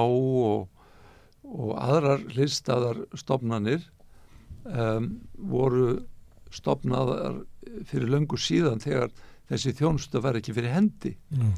og, og almanna fjö var notað gafir og svona þess að byggja upp þessar stopnarir þannig þetta var svona ákveðin hugssjón mm. það var eins og þá var, þetta voru kannski ekki byggt alltaf á, á uh, vísendilegum rannsóknum en ákveðin hugmyndum sem, um heilsu uh, sem voru í, í mjög mikið í gangi þarna fyrir og eftir stríð. Og, og sem við vitum í dag eru er kannski bara ágættar mm. en, en voru kannski litið niður á um tíma því að það hafðu ekki góðan uh, vísindarlegan grunn. Mm. en, en eins og heldur alltaf miklu meira heldur en bara úti vera á græmitisfæði það er samvera og það eru þarna fagfólk í hverju hodni og kannski það sem að um, samfélagið er lagt mikið upp úr kvöldvöggum og, og, og stofun setja saman og spjalla mm. og, og ganga saman úti og verið til náttúrunni að fyrir utan sér að það meðferð þá er þessi almenna meðferð mjög öflug til að rífa, mm. rjúfa einogrunna og það er hluti þeirra sem koma þannig er eldra fólk sem ofti er í mikið til félags einogrunn mm. og það er heldur bara eins og fá nýtt líf fyrir þetta fólk Já. En af hverju var stúr á þinn handa? Já, það er nú það sko. Ég, ég, þeir eru náttúrulega hafa verið með eh, geðheilbriðis teimi þarna, þeir eru með mhm. gíktarteimi, verkjarteimi, eh, endurhæfingateimi og svo framvegis. Þannig að það vanda þarna einhvern veginn að leiða geðheilbriðsteimið. Ég átti náttúrulega sögu þarna, bæði hafi pappi minn unnið þarna fyrstu þrjú ár uh, æfi minnar, reyndar fyrst, sem voru fyrstu fjögur ára hælisins mm. um, og ég hafði unnið þarna þrjú fjögur ár um, meðfram um, háskólanáminu þessum vaktmaður og, og leisti af hjúkunarfræðinga og ýmislegt aðna þannig að ég, ég þekkti staðin vel og kunna meta umhverfið um, um, ég hafði sótt um nokkrum árum áður þarna og tróða svo tilbaka þannig að þegar losnaði þarna staða þá var ítt við mér að sækja aftur mm. og, og, og bara mjög var mjög vel tekið þar mm. Breyttur þau einhverju? Breytti ég ykkur Já, um, um sambandi við meðferðina eða hvað var Já, það, það má ekki segja að það var allt annar hópur heldur en sem ég hafi sinn mm. ég hafi verið að sinna einu veikustu einstallingum í Brellandi og þarna var ég að, vin, að sinna það sem við kallum minna veiku fólki fólk sem þarf ekki að þarf ekki að vera súgrási mm. fólki sem er kannski meira að leitað merkingu og jafnvægi og lífstílsbreytingum og svo framvegs það er mjög heilbreytt umhverfi fyrir fólk sem er í það er ljótt að segja það, minni áttargröggum mm. en með kannski verki og þreitu og, og þunglindi og kulnun sem getur gert af örkjum og óvinnu fært mm. þetta, er, þetta er alveg drauma umhverfi og meða við sko eh, hefðbunni geðdeldar umhverfi er þetta náttúrulega bara himnarík.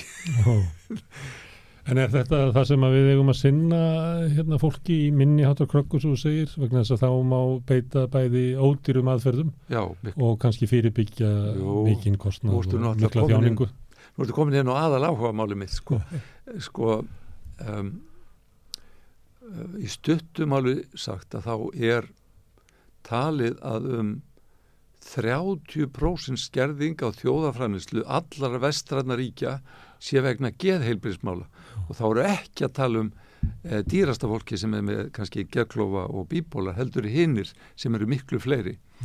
Um, kannski 70-80% af þessu fólki fær aldrei geðheilbristjónustu um, þjónustan sem við veitum í dag þessum hópi er einstaklisbundin uh, svo þjónusta er bæði á dýr og við höfum ekki starfskraft til að veita henni fyrir þennan hóp. Mm.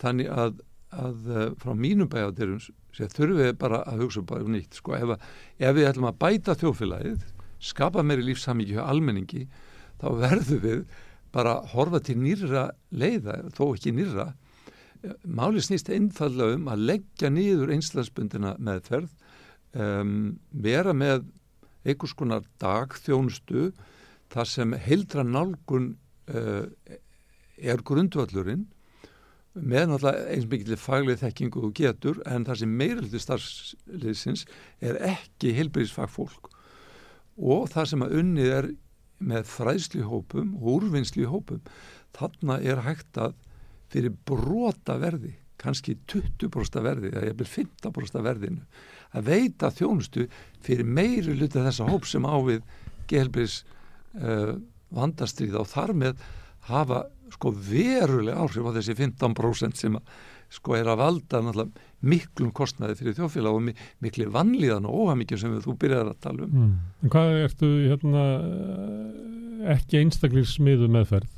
En Já. þá þetta ef ég kæmi þarna inn í þessa stofnunina, þar sem að væri alls konar fólk að vinna og ekki Já. allt hjúkurna fólk að lækna. já, Er ég þá eins og ég sé bara að ganga í, í skóla samfélag eða já, það má ekki segja það, svona það bara eins og vorum að tala um bara góða skóla. hópatímar og engin engatími? Já, þá byrjum við að reyna að skilja, við byrjum að reyna að skilja hver er vandiðin frá mörgum sjónaðum. Mm. fjárhastlegur, líkamlegur, andlegur, áfallasaga og reyna að kortleggja allir vandamál. Það er fyrsta og það er er þetta að gera í skólanum Já. Og svo erum við á sama tíma að reyna að rjúfa kannski félagslega einangrun, bæta uh, reyfingu, bæra, bæta næringu, uh, Þetta er læra, mjög svipað prógram og er bara á er á hælinu. hælinu en þetta þarf að gerast uh, á ódýrarhátt fyrir miklu, miklu stærri hóp. já. Sko, væri, eh, hælið væri hér með dagdildir já, í öllum hverfum bara í öllum hverfum. Og Já. í tengslum við öldrunarheimilinn og Já, akkurat sko. á einhverjum svona uh, miðstöðum hverfana já, þetta er nákvæmlega. og það, þetta er þá, uh, getur við kallað hvað félagslega lækningar Já, þetta eru það. mm. Þetta eru félagslega lækningar. heldrannar að félagslega það sem er lækningar. að, að mér er Já. ekki enganlegt eða bóðefna vandamál Já, heldur getur að verið að ég sé bara veikur í hópdýrinu í mér já, og þú, þú getur vel að hafi bóðafna vandamál og. Og, getur vel verið að hafi einhvern argengan galla en þú ert komið í umhverfi og þeir er einn af mínum kennarum, professor Tæres, sem sagði uh, þú skalt ekki að hugsa um hvað er að fólki þú er þetta að spörja hvaða umhverfi þarf þessi einstaklum til að vera heilbreyður. mm. Svo þetta er góðu punktur í honum. Hann snýri sér á kvolf, sko. Mm. hann, kallaði þetta hvað var orðið sem hann kallaði alveg dótti úr mér núna en við getum kallað umhverfislækningar Já. þannig að geðheilbriðismál má miklu leiti laga Já. ef þú uh, skapar heilbriðara umhverfi fyrir einstaklingana Já. Það er hérna hvað, nú mann ekki hvað hann heitir það var hérna þetta prestur sem var uh, sálfræðingur sem að, var nú drepinn þarna í El Salvador held ég okay. hann talaði um svona um, sko félagslega lækning Já, og hann var að benda á að ef maður tekir svona dæmi í dag að, að hérna einstað fátakmóðir sem er kvíðin að það við höfum ekki að gefa henni líf við höfum bara að gefa henni peninga til þess að hún geti spröðfætt börnum sín við höfum hérna eh, svartur maður sem að finnur fyrir að ja, hann fær ekki sama séns og aðrir á vinnustafnum og er verður svona eðlilega og fjandsamur Já. samur umhverfi sínu já. við getum ekki sett hann í, í gerðina atverðismeðferð Nei. eða sjálfstyrkingaprógram Nei, nei, nei, Nei, við þurfum að laga félagslega meinin sem að Já. valda þessu. akkurat Þannig að þú ert á þessari línu svona já, algjörlega, félagslega lækningarnar skipta mjög miklu máli En þær eru bara ekki notaðar. um, Nei, Nei. og þetta er náttúrulega ætti að vera partur af skólakerfinu og, og kannski lífsins skóla sem heldur áfram Hmm. En að tala um þessi 15% sem þá ætti ekki að tala um svona bæbólar eða, eða um, hvað við að segja, svona eh, klíniska alvarleg- sjúkdóma. Já, alvarlega. Hvað ertu að tala um? Ertu að tala um bara að, að ég er bara, þú veist, ég er bara undarfarinn tíu ár hef ég bara ekki verið jafn svona góður og ég var áður, Já, sko. það- Það... Lífslógi minn er veikari og ég bara er ekki eins Já, má og... ekki- já Hvað það, er það eru marga leiðir til að mæla þetta Já. og, og menn greinir á hvað leiðir er best. Sko hefbundin að gælækna er, er að, að fara mjög ítalega yfir allt sviðið og mæla þunglindi og mæla kvíðan og mæla þráhyggjuna og Mm. mæla aðtíháttið og mæla áfallasteytuna og mæla kulnuna og, Mm. Og svo mæla einhverfurófið Og og, mæla grindina. já, já, Mm. og, og þetta er, getur verið gaglegt það eru annars konar mælingar og það eru mælingar sem mæla bara um, hvernig þú ert að njóta þinn í lífinu Mm. við kallum einsku quality of life questionnaire sko. Mm. það segja oft meira og þetta er einmitt fyrir að nota núna í rannsóknum enn meira heldur en sérhæðamælingar bara hvað ertu hamkisamur, hvað getur þú gert Hva, hvað ertu hamlaður frekar en hvað enginn ertu með Mm. Og þá ætti að aðlaga viðbröfin Já. við því. já, Að bæta getu mína já, til að njóta mín. akkurat Mm. til dæmis bara eins og í mínu starfi er að verða æmikilvægur að það eru einstaklingar sem að ég kalla að vera á einhverfurófinu sem að eh, flestir kalla væga einhverfu Mm. eða Asperger syndrom eitthvað svoleið sem að maður sér mjög mikið fólk sem að margir eru með ADHD og kannski ekki allir en þeir eru kannski með eitthvað smá félagskvíða þurfa svolítið rútinu, er með fullkomna áróttu þeir taka hlutinu svolítið bókstæðlega við kannan fyrir árið eins og lyktum, ljósum og, og hérna háfaða og, og um, erfitt með að höndla mikla breytingar Mm. um, ég sé fólk kannski bara um þrítugt og það verður ástfangið og það giftist og svo eru komið tvö börn og, og það bara höndlar ekki lífið þetta var ekki lífsferil sem það var búið til til þess að höndla Mm. og, og hvað á að gera allar að skilja og skilja börnin eftir það bara getur það ekki það komir í kringunstaður sem að það kemst ekki út úr og er alls ekki að höndla En þú spyrir hvað á að gera. Já, það er, það er erfitt. Eh, Það þarf nýtt umhverfi, en hvernig getur þjóðfélag styrt þetta fólk til þess að eiga heilbritt umhverfi? Það er vandamál, við hefum ekki lausnir. Mm. En þeir sem ekki eru komin að þennan stað og vita þetta er þeirra viðkvæmni, þeir geta farið að hugsa hvernig lífi á ég að lifa? Hvernig þarf ég að virða mína takmarkanir Mm. og, og njóta lífsins og, og gera það sem gaman er en í hófi og, og, og, og taka til uh, greina takmarkanir sínar. En ég sitt hérna við rauðaborði og tala við alls konar fólk og tala Já. við fólk um svona lífsbaráttun og eitthvað fleira. Já, já. Ótrúlega margir upplifa að þessu bara fastir á einhverju tannhjóli eða svona hamstursjóli og þau þurfu bara að hlaupa. já, og eins og þú orðar þetta núna þú eru bara að stokka upp lífið þitt og aðlagað þannig að það sé rými fyrir þig allan tíma, þú hafið tíma til einveru Já, og, já, og, akkúrat. og, og svona þroska og, þú talar sjálfur um að njóta fíð aftur í náttúruna en Já, þú hafa tíma til þess að setja upp á einhverju fjalli og, draga að þér sko ferskan vind. Og fólk segir við þig bara hérna, harðu minn ég hef bara engan tíma í þetta akkurat. Ég er allan daginn að, að afla peninga til þess að ég missi ekki húsið mitt. Já, Ég er hérna uh, þremur afborgunum húsinu frá því að sko missa það. akkurat. Ég er sko, þú kannast þetta. Já. En þá er náttúrulega spurningin, Já. uh, þarftu svona stórt hús, þarftu svona dýran bíl, þarftu svona mikil född, getur að gefa þér aðhald, getur breytt verðmætamatið þínu uh, þannig að þú getur leiftir meira rými í lífinu. Það eru efstalagi sem getur valið það. En svo ertu komið með kannski þriðjungin af fólkinu Sem sem er að svara þessari spurningu fátækramarkonum. þinni. Sem er á. Ég, hérna, ég, ég, ég hérna, get ekki minga við mig, það er að stækka við mig til Já, þess að ég komi þriðaballinu fyrir. Akkurat, já. Að- En, en þá er spurning, uh, ef þú ætlar að eiga meira en eitt barn eða getur átt barn til, getur þú lifa lífinu og áður hún ferð þangað, uh, hver eru möguleikar þín til að lifa lífinu? Þá er þetta að segja að hinn fátæku get ekki leift sér eignar spötn bara hinn að betur. Að þið get ekki annað, já. Mm. Já, hvort er að vera á hamstursjólinu eða að fá að njóta lífsins. Já. og hvort getur þú lagað þig enganlega já, eða einhvern tíma verður þú bara að horfast yfir að þú verður bara að laga samfélagið já og, og af því að svo, ég er hérna pólitískt megin hérna og Jú. þú er svona já, en svo er náttúrulega líka hitt sko að, og þetta er kannski partur úr þrautsegin og mandóms vikslunni að þú getur þurft einhver ár, kannski milli 20 og 40 þar sem þú ert og getur og sýnir að þú hefur seglu en, en svo er kannski bara orðið gott.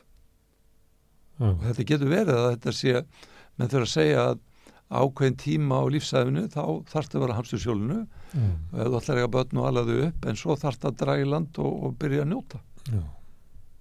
það Og þarf eitthvað að finna og lausnir. taka við hlutverki sem uh, wise old men að Já. hætta, mandófsáriðin er að baki já, hættu að, að olbúa þig áfram út í Akkúrat. lífsbaratunni og taktu þessu hlutverki ekki bara fyrir þig persónulega, heldur þurfum við líka á fólki að halda sem að tekur aldrinum já, akkurat leifir sér andrými Já, sko. því það er ekkert það getur verið ótrúlega heimska fyrir sjötugan mann að hegða sér eins og þessi færtur. já, já, akkurat Ertu saman á því? já, já, já, það, verðmæta mati þetta eru, getur við kall þroska áfangarnir, það eru þroska áfangar sem unga bad, sem, sem barð sem ungur úlingur, sem úlingur sem tvítugur, þrítugur. Það eru þroska verkefni, þannig á hverjum aldrei og ekki síður. Þú veist, eftirlega aldurinn upp úr 60 sko, 70, átræðu það eru það eru allir sem að það taka og íhuga á, á hverju stíi sko. Já. Og er nöðsynlega til þess að sko samfélagið haldist og sé gott. Já, akkurat, að, fólk á öllum þessum aldurskeiðum sinni því hlutverki sem hendar því. hlaup ekki bara áfram heldur aðti alvöru, hvað eru verkefni sem nú liggja fyrir sko. En uh, með þessi viðhorf, þegar þú horfir yfir samfélagið okkar, já, að þá erum við samfélag sem erum bara á alvarlega rángri leið, lítur að vera, frá algjörlega. sjónarhóli Haraldar já, algjörlega og eru bara á hraðleið á að keira vekkin. Já, en, en það er svo náttúrulega svo skemmtilegt að við, við búum við svo hryllilegt fjármálakerfi og, og förum öll á hausinn sko á 10-15 ára fresti. Að, að svona 10-15 ára fresti er kemur hamarinn í hausinn og segir heyrðu, þú þarf nú að endur skoða verðmættamatið þitt. Já. Og þá kemur stuttur kabli það kemur stöttukabli það sem allir gangi lofapissum og Já. fara að hérna, baka brauð heima. Já, já, og svo gleymist það eftir gleymist svona eitt og ár. Það er eins og hérna, upplifunin af andlir í reynslu. já, það er reyna að halda í þetta. Allt í þetta. já, Ok, en, en í gegnum mangi svona, þá hafa verið svona kerfi til að halda í þetta. Það hafa verið svona einhver heilarleiki, það Já, er einhver skipilu trúabröð, það Já, eru það er uh, virðing fyrir hérna forferðunum, það, það er eitthvað svona í menningun okkar Algjörlega. sem hjálpar okkur stiður við að, já, já. að halda hérna, minningunum úr stuttöglablikunum og tala um ekki um frídaga og frídagar, já, já. Eh, en eh, einhver leiti erum við að tapa þessu líka, við erum Já. að, svona að leysast upp hjá okkur Já, sem er bæði held ég gaglegt og slæmt um, ég held að þetta er nú í trófræðasögunni er þetta oft kallað myndbrjóta tímabil Já, að við þurfum að, að mölva öll hugmyndakerfi niðurreglulega já, til þess að fara kjarnanum. Hvað skiptir máli? Og hvernig andleg heildræn samfélög þurfum við að byggja upp? Við þurfum að búa til ný mótelum hvað er þjóðfélag í jafnvægi? Hvað er þjóðfélag sem er mannrækt? Mm, hvað er þjóðfélag sem að menn koma inn í og, og blómstra. Mm. Eh, eins og sum þjóðfélag er byrjað að gera að mæla hamingjufólksins en ekki hagvöxtin Mm. En einu sinni, kannski, var það þannig að þetta var, þetta var verkefni stjórnmálana og stjórnmálinn snýrust um það að við vorum að ræða saman já, um hvers svona samfélag við ætlum að byggja já, En það er svolítið langt síðan að stjórnmálum að fjalla um þetta. Núna eru stjórnmáli mest að, að fjalla um það að það sé ykkur óg sem að steyðar að okkur og stjórnmálinn er að bjóðast til þess að verja okkur gagvast þessar óg. Já. Það fer ekki mikið fyrir því já, hvernig samfélag við myndum vilja sá þú veist, í framtíðinni. nei Nei, og stundum kemur eitthvað svona hugmyndur um að við getum átt okkur að sérfræðinga að finna út úr því og segja okkur það já, eða við trúum því að E- Elon Musk muni færa okkur það eða eitthvað slíkt. eða eins og sumir gera að, að, að byrja að vinna uh, almenningshópa sem spurði þessara spurninga og hva, bara á hverjum tíma er mismöndi verðmættamant og, og um, fólk er á mismundi stöðum varandi verðandi matið og það er þetta búið sko ég held að við gerum, getum aldrei gert ráð fyrir allir sem er sama verðandi matið en við getum kannski búið til þrjá mismunandi hópa þar sem að mismundi áhersla á andleg og hugranverkefni, tilfinningarleg og líkamleg verkefni og þjóðfélagsleg verkefni og, og, og, og alveg svo er í pólitíkinni að, að búa til einhvers konar mótel þar sem eru píldi átökmillir þessara, nú er þetta mars ánaður mm. átökmillir þessara, þessara hagsmunahópa Já Herðu, þú hættir á hælinu Já. og ert starfandi núna á stofu, stofu. Og fólk kemur til þín með raunir sínar Já. og þú hjálpar þeim með tækni vestræðna gælæninga já, já. og austræns einsæðis Já, ég kenni líka svona bara hugrækt og mm. það, í dag reik ég meiri luta þjónustu minni í hópum og þá leggja áherslu á uh, svona hugurana við veitum við hvað þetta er núvitund og samkend mm. svo eitthvað aðeins hugurana sko allir með þegar ég hef hann svona til hliðar sem bak Er það svona eins og fólk fyrir ræktina og er að já. pumpa ærón hérna að það getur komið til þín og bara pumpa samkendina já, og já, það getur tjálfaðan og eft? Staldra við, hæja á um, skapa ákveðna fjarlægð. Ég kalla þetta örnin Fjarlægð hvert? Sjálfum sér. Aðal vandamáli í geðheilbyrgismálunum er þú sjálfur. Helvitis egobönin Já, og þú fyrsta skrefið er að læra að fara í góða fjarlægð frá sjálfum þér ég þess að kallaði örnin svífa hátt yfir mm.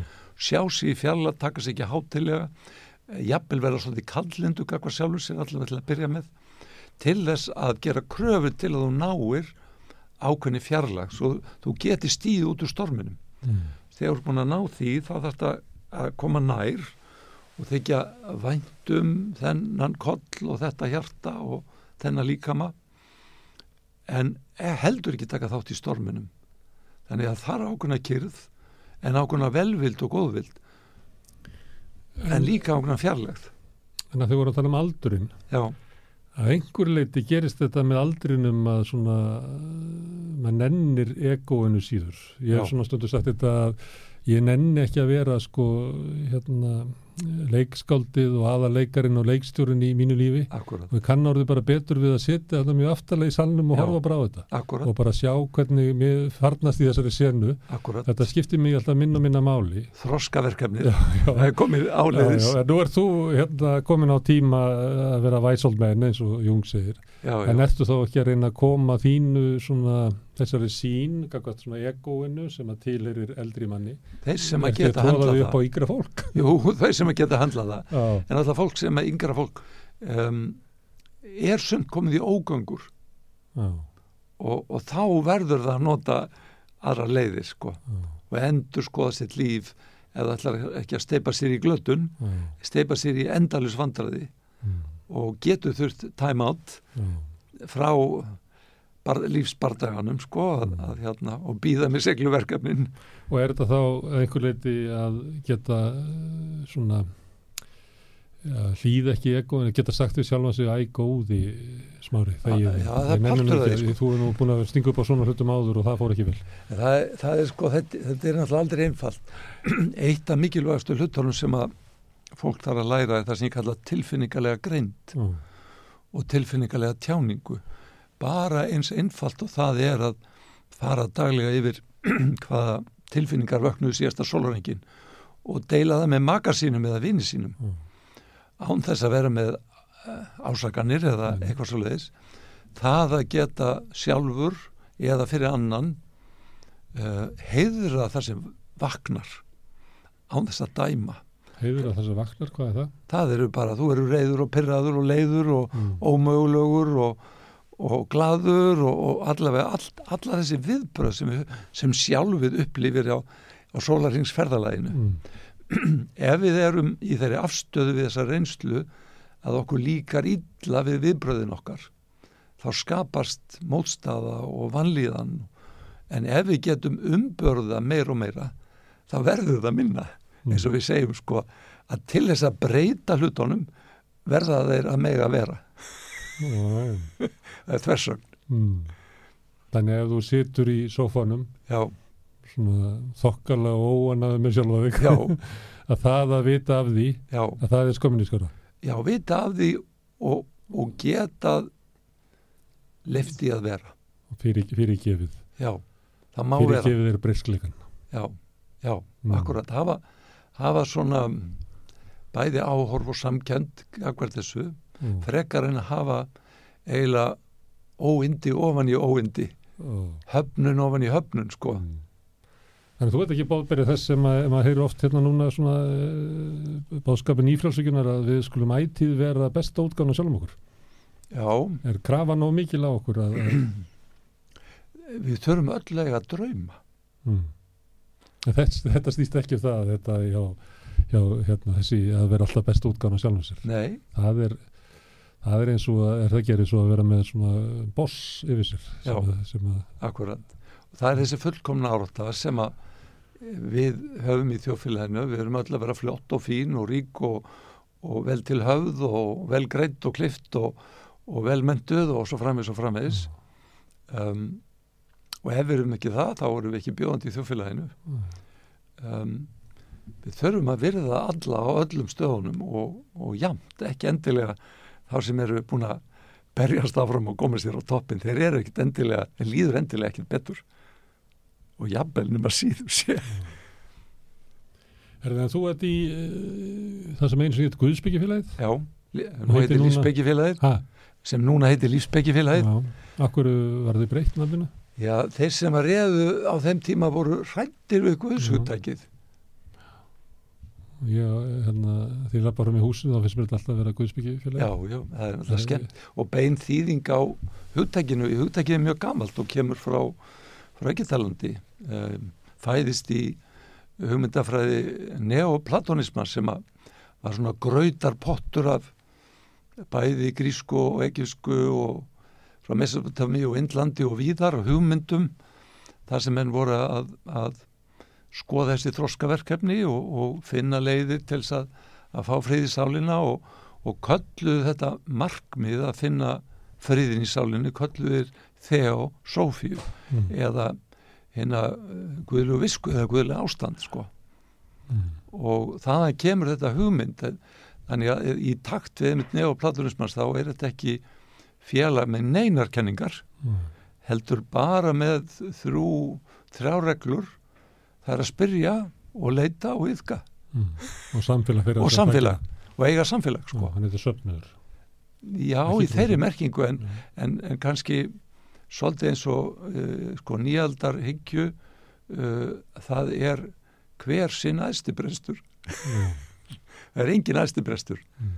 það hver er að leita og þetta er einmitt uh, mikið í hinduismannum og, og er grunnatriði í sko lífsbyggi félaginu að við erum öll mismunandi við þurfum að heiðra mismunin og við þurfum að skoða okkar persónlegu þroskaverkefni og við þurfum að prófa okkur áfram og reyna að skilja okkur og skilja aðra og velja okkur leiðir sem okkur henda og líkar vel sko. Já, oft er svona kýtingur á milli fólks er bara ósætti við að fólk er bara ja, sálarlíf fólks er bara ólíkt raðað upp sko. Það er ólíkur grunnur sem að Akkúrat. liggur inn í og oft er fólk bara að kýta um eitthvað sem að, Já, akkurat. að sem bara Þannig við hvetjum fólk til að skoða og ræða og, og, og svona jafnvel kappræða um leiðir og hugmyndir og aðferði sko. Já.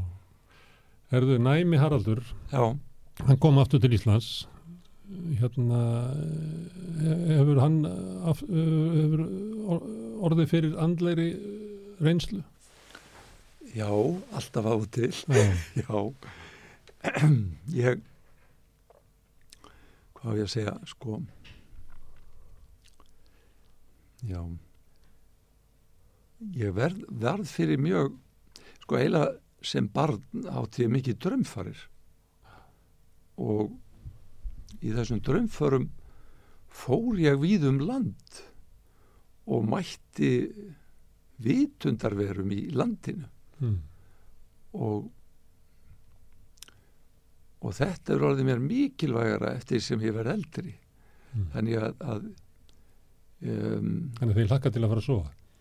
Já, en ég get líka gert þetta í vöku. Já, já, og það er þessi hugmyndum að allt er vakandi hvort sem það er grjótið eða himinin eða Mhm. skýið eða áinn að það er eins og það sé eitthvað sem vakir í öllu. Og að vera partur af þessu sem vakir e, það er bara indislegt að nærandi. Og þú tilir í slíkum heimi. Þegar þú ert til úr sama efni Já, og já, akkúrat. ég, ég er svona þú ert heima. ég er svolítið náttúruvera. Ég er svona náttúrandi einhverstöður upp í fjalli. Já. En uh, nú uh, hérna notar fólk hugvíkandi efni til þess að að öðlast andlega reynslu til þess að komast út úr egoinu hann að þessari hörðun því. sko. hefur þú notað það? já, ég hef notað það ég hef náttúrulega verið alveg svona blá edru alla mín æfi hvorki rektið að drukkið að notið nokkus konar en leggst í allir stíða á öðru árum aldrei pröfaði ellist ég nei, en sko fyrir eitthvað fjórum-fimm árum kemur til mér einstaklingu, það var einstaklingu hjá mér í meðferð í nokkur ár og ég gaf honum allt sem ég kunni og það lagaði ekki neitt. Mm. svo hann sagði við mig bara haldur, það er bara rusl þetta sem úr að gefa mér, Mm. ég er farinn. Og, og ég ætla að pröfa eitthvað allt annað og ég segi bara, já, láttu mig fylgjast með. Svo kemur hann bara mánuðið setna og það er ekki á honum. Mm. heyrðu, nú hef ég áhuga, Hva, hvað varst það að gera og hann sem sagt var að nota uh, sveppi. Og, og, og þá fór ég alveg að kafa að kynna mér þetta. Mm. og, og hef bara síðan bara verið að kynna mér þetta og, og, og farið í miskona meðferðir. Og til dæmis fór ég í meðferð uh, þetta er ekki löglegt við það en, en ég fór til Amsterdam þar sem svona meðferðir eru löglegar og, og, og átti alveg bara unaðslega sko meðferð fór í átta tíma sálfræði tíma fyrst ger upp líf mitt og, og kannski vaksta verkefni sem ég hafði kannski minnst klárað á barn og úlingsárum Mm. og hjá mér var það kannski eins og við höfum svolítið minnst á kannski eh, pínlega einsemt Mm. eða það sé allavega einsemt út á við og, og hérna og svo fæ ég þarna trufflurnar sem eru löglegar hann í Amsterdam og og, og uh, fer í ferðalag og, og það kemur til mín í þessu ferðalagi bara, ég man ekki hvort það voru nýju rauðklættar konur og það standi í kringum mig og, og það streymdi frá þeim bara óumræðileg elska Eh, þannig að ég eiginlega bara greitt Mm. og, og hérna og þetta stóði nokkra klukkutíma og, og ég bara sagði því þessa átta klukkutíma sem hérna var að því að maður var svolítið handan við tvíma og rúm og maður var svolítið handan við sjálfan sig og orðafari var svolítið í takt við það og ég sagði alltaf bara this body has been loved Mm. að, að, að þessi þessi líkami, þessi vera, ekki ég Mm. heldur þessi líkami hefur þegið elskuna Mm. Og þetta var náttúrulega bara alveg ótrúleg reynsla. Þetta getur við kallað, eins og ég myndi segja andleg reynsla. Að komast í einhver svona hafsjó af, af nærandi elsku sem fer alveg í merg og bein. Mm.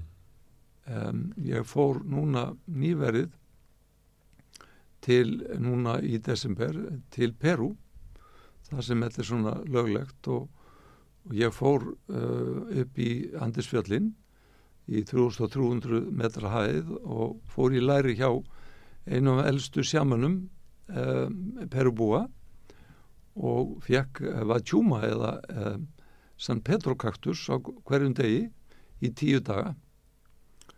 Og, og það fór fram að maður svona uh, fór á fætur og fekk sér morgumband og svo um miðan daga þá uh, tók maður segðið sem var alveg hrík, hríkalega vond á bræðir og svo slaka maður bara á svona aðeins tók svo þetta rólega. Og, og er svona þrjáfara tíma þá fór maður uh, í, í böðin, það voru þannig heit náttúruböð. Mm. og maður sat þar svona 6-8 klukkutíma bara út í náttúrunni undir stórum trjám og uh, herstar og kýr og, og geitur og að ganga frá og áinn rann fram hjá og, og maður var þarna bara einhvers konar núvitund þarna í tíu daga. Og það fylgdi þessu svo svona einhvers konar botlaus friðsælt mm. og tærleiki hugans. Og það var eins og lífi mann þetta var eins og örnin sko maður komin einhvern veginn á svo góðan stað. Það var með ólíkindum. Og þetta er eins og hefur verið líst með sko þessi liv uh, þessi, þessi sem við kallaðum líka sjámanum plöndu kennara þetta getur verið bara með því verðmætasta sem maður upplýður á æfili leiðinni sko svo kemur náttúrulega hinnu hvernig kemur við með þetta tilbaka Mm. Eh, sem er nú miservitt og, og maður kemur oft bara inn í miðjan, miðjan uh, stormin þegar maður kemur heim en, en samt maður býr að þessu Já.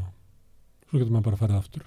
svo getur maður að fara aftur og, og það eru náttúrulega rannsóknir og við vorum einmitt í Lífsbyggjafélagi núna fyrir uh, mánuði síðan með sko vinnuhelgi í þrjá daga um mikilvægir andleri hensu fyrir hamingjuna. Uh, and, og, og og hvað andleg reynsla hefur áhrif á geðhilsu og þannig að það búið að gera náttúrulega mjög mikið að rannsóknum sérstaklega síðustu 15 árin á mörgum þessum þessum blöndu kellurum eins og ayahuasca, eh, ketamin eh, psilocybin-sveppunum og MDMA og fleiri efnum. Og þá er um, andlega reynsla mismikil þannig að ayahuasca gefur langmest svona 80% þeir sem fara í hana verða, fyrir, verða mjög djúb snortnir uh, ketamin aðeins minna seppinir aðeins minna og MDMA langmest það fer kannski nýri 30% en það kemur í ljós í þessu rannsóknum að, að þessi andlega reynsla fyrir suma skiptir sköpum að ná andleri hilsu um, með MDMA skiptir það minnstu því að það er áherslan meira á sálfræða úrvinnslu í ferðarlegin heldur en andlegur reynslunni sko. en, en um, Hjálpar það ekki til þess að horfast í augu við tiltekna atbyrði og reynslu? Já, akkurat, það, það er meira bara svona hefbunni sálfræðilega vinna með hugarástandi sem er mun hæfara heldur en daglegt ástand. Eh, þú, þú ert, auðveldara með heiðra tilfinningagreindin þúsundfaldast þarna í einhverja sex tíma. Og þú ert miklu hæfari að taka utan um það sem þú hatar og, og vilt ekki og, og ert í afneitun og svo fannabegis meðan sko andlega reynslan er einhvern veginn að, að uh, ná tengslum við þetta dýfsta í okkur uh, og þá hættu að taka egoið okkur sjálf svona hátilega og, og þó að vandamann sé ekki leist að það bara skiptaði ekki eins miklu máli. Þú talaður um uh, vendarengla sem að fylgdu þér þú varst barn. Já, og þú talar um, voru það nýju rauðklættar konur eða? hvað sér Voru það nýju rauðklættar konur Já, sem að já, þú uh, fannst fyrir í reynslunni já, já, uh, endalausri, bóttlausri ást. já, algjörlega. Þetta eru svona merki um svona hið góða, hið góða afl. Já, já, já En þá lítur líka að vera til hið illa. Já, og það kemur einmitt upp í Er það egoið eða? Eða er hið illa eh, svona afl? Já, ég held að þetta, það sem við köllum gott og illt er í okkur öllum, ég það er ekki einhver stríð til að þá er fólk verið að drepa nágrannar sín og binda og nöðka, Mm. það stutti villidýrið í okkur og, og það má kannski segja að villidýrið er nöðsynlegt fyrir okkur til að lifa af sérstaklega á erfiðum tímum með lögum og reglum og siðferðismentun og e, þá, þá getum við sett mörg við villidýrið í samfélaginu en um, Gefið í lífi líka til að halda einnig því. já, Mm. akkurat sko en ef við virðum ekki villidýrið í okkur þá og reyðin og þetta sjáum við líka bara í geðbrismálum sko ef að þú elst upp þar sem þú mátt ekki tjá þig og mátt ekki vera reyður að, þá ertu svolítið bæklaður þá verður þú þreyttur og vannmáttugur með lága sjálfsmynd sko við þurfum að rétta úr okkur við þurfum að berja á brjóst og öskra og vera vildýrið stundum til þess að vera heilbrið En ég það- þú lýsir hinnu góða sem svona verum. já, Getur þú séð fyrir þér veru hins illa? já, Balsup? við erum alltaf alin upp í kristnum heimi við, við djöfulinn sem er eh, í raun og veru sko oft sett sem svona einhvers konar geit maður með hófa og, og hafur horn á höstnum sko. Og, og þetta er náttúrulega sótt í í dýraringin, þetta er náttúrulega bara er að fættur í, í hérna stengindin skilur en og við ræðum mikið þessa, þennan kraft sem stendur fyrir uh, hamslösa greddu og sjálfsmiðaða hugsun og svoleiðis. Frá mínu bæðir með alveg svo við vorum uh, í uppaf að tala um Satan er náttúrulega hrókin, hann er sjálfs miðaður. Já. en, en ég held að sko þetta góð og illa eh, þe- þetta elskandi og þetta kannski nöytna og vald miðaða afl eru bæði lífsnauðsynleg. Þau eru bara ill þar að segja að þau eru bara að skapa ójafvægi ef þau ta taka völdin ef þau eru partur úr kerfinu þá eru þau frábær. Mm. og ég er sko að móti að svona demonisera eitthvað sem er í manninum. Það er partur af að ha- hafna eðlinu í manninum. Við þurfum að elska alla partan og virða þá. Við þurfum bara að gefa þeim sess. Mm.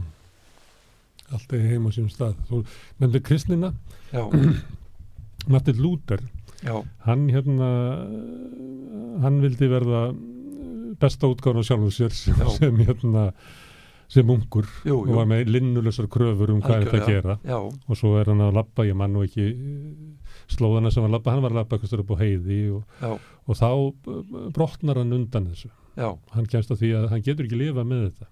nei og hann lýsir svo einhvern veginn þannig að, að það sé ekki hægt að lifa með hinn reyða Guð yfir sér Já. sem er hérna, Guð lögmálsins. Því hann getur alltaf hugsað eitthvað að þú getur verið betri en þú er, þú stendst aldrei undir því. Já, já, þannig að þú reynir að standa undir þessum kröfum og það verður að gjalli. Já, já, og þess vegna verður að geta tekið við fagnarerindinu sem er fyrirgefningin. Já, en, en, en þú verður að vita sko hvar þú átt að geima þetta já, og þá er það, segir Martin Luther, að þú verður að geima fagnarerindi í samviskunni og aldrei hleypa Guði lögmálsins þar inn því hann dæmir þig. já, En ef þú erir að ráða lörglustjóra í þorpið, já, þá þýr ekkert að ráða fagnarerindi því hann sleppur öllu lausum. Þannig að það verður að hafa. Guði lögmálsins. já, Þannig að meirins í kristin eru menn að reyna að, að orða með einhverjum hætti, Já, hvernig þú já. lætur þessu ólíku þætti vinna já. saman. Eh, Ég, ég má vitna í góðið mitt sem er Carl Gustaf Jung Já, hann, hann uh, orðar þetta þannig að, að í manninum býr eitthvað indislegt, uh, það skipti ímsa parta, gríman, sanna sjálfið, egoið en líka það sem að kalla skuggin og það sem að kallar eiginlega guðlega anstæðin, prinsessan, gyðjan eða guðin eða eitthvað svoleiðis sko. En hann segir skuggun í okkur hann er svo stór að við getum aldrei listan kláraðan Nei. og, og jú, við getum unnið eitthvað með áföllin hans og eitthvað svoleiðis já, en hann er botlaus já, og þó að þú klárir allt þetta persónulega þá er öll þjáning og öll vandamál alls sem lifir þannig það er takmörkalugur hafsjóra myrkri já, og hann segir sko að þetta snýst um bara að virðan, heiðran uh, vinna úr það sem hann gefur okkur en sett honum bara mörg já. og, og með óumræðilegri elsku og, og visku uh, þá verður hann bærilegur Mm. og það er mitt fullkomna átt hann vill bara vera í ljósinu en, en, en það er bara ekki hægt fullkomna átt að heila drepur þig Mm. Herðu Haraldur, takk fyrir að koma hérna og spjalla við mig við ræðaborðið í helgispjalli, já, takk kærlega þessum laugadegi. Og hlustundu þakka ég kærlega fyrir að staldra hérna við og bendi ykkur á að rauðaborðið er á virkundugum og á næsta laugadag verður nýtt helgispjall. Gleðilega páska. Er rétt að greiða lámarkslaun fyrir hámarks ábyrð? Til að manna mikilvægustu störfin þarf mannsæmandi laun. Ebling, stjættafélag. Samstöðin er á öllum hlaðvarpsveitum. Rauðaborðið, Sanna Reykjavík, Samtal á sunnudegi og Helgispjall. Með því að ganga í leyendasamtökin stiður þú bara áttu leyenda. Leyendasamtökin eru fyrir alla þá sem vilja berjast fyrir réttlátu húsnæðiskerfi. Leyendasamtökin.is Samstöðin er í eigu hlustenda, áhorfenda og lesenda. Þú getur átt samstöðina á samt öðrum félögum í Alþýðufélaginu. Þú getur gengið í Alþýðufélagið á samstöðin.is. Þar er nappur sem segir skráning.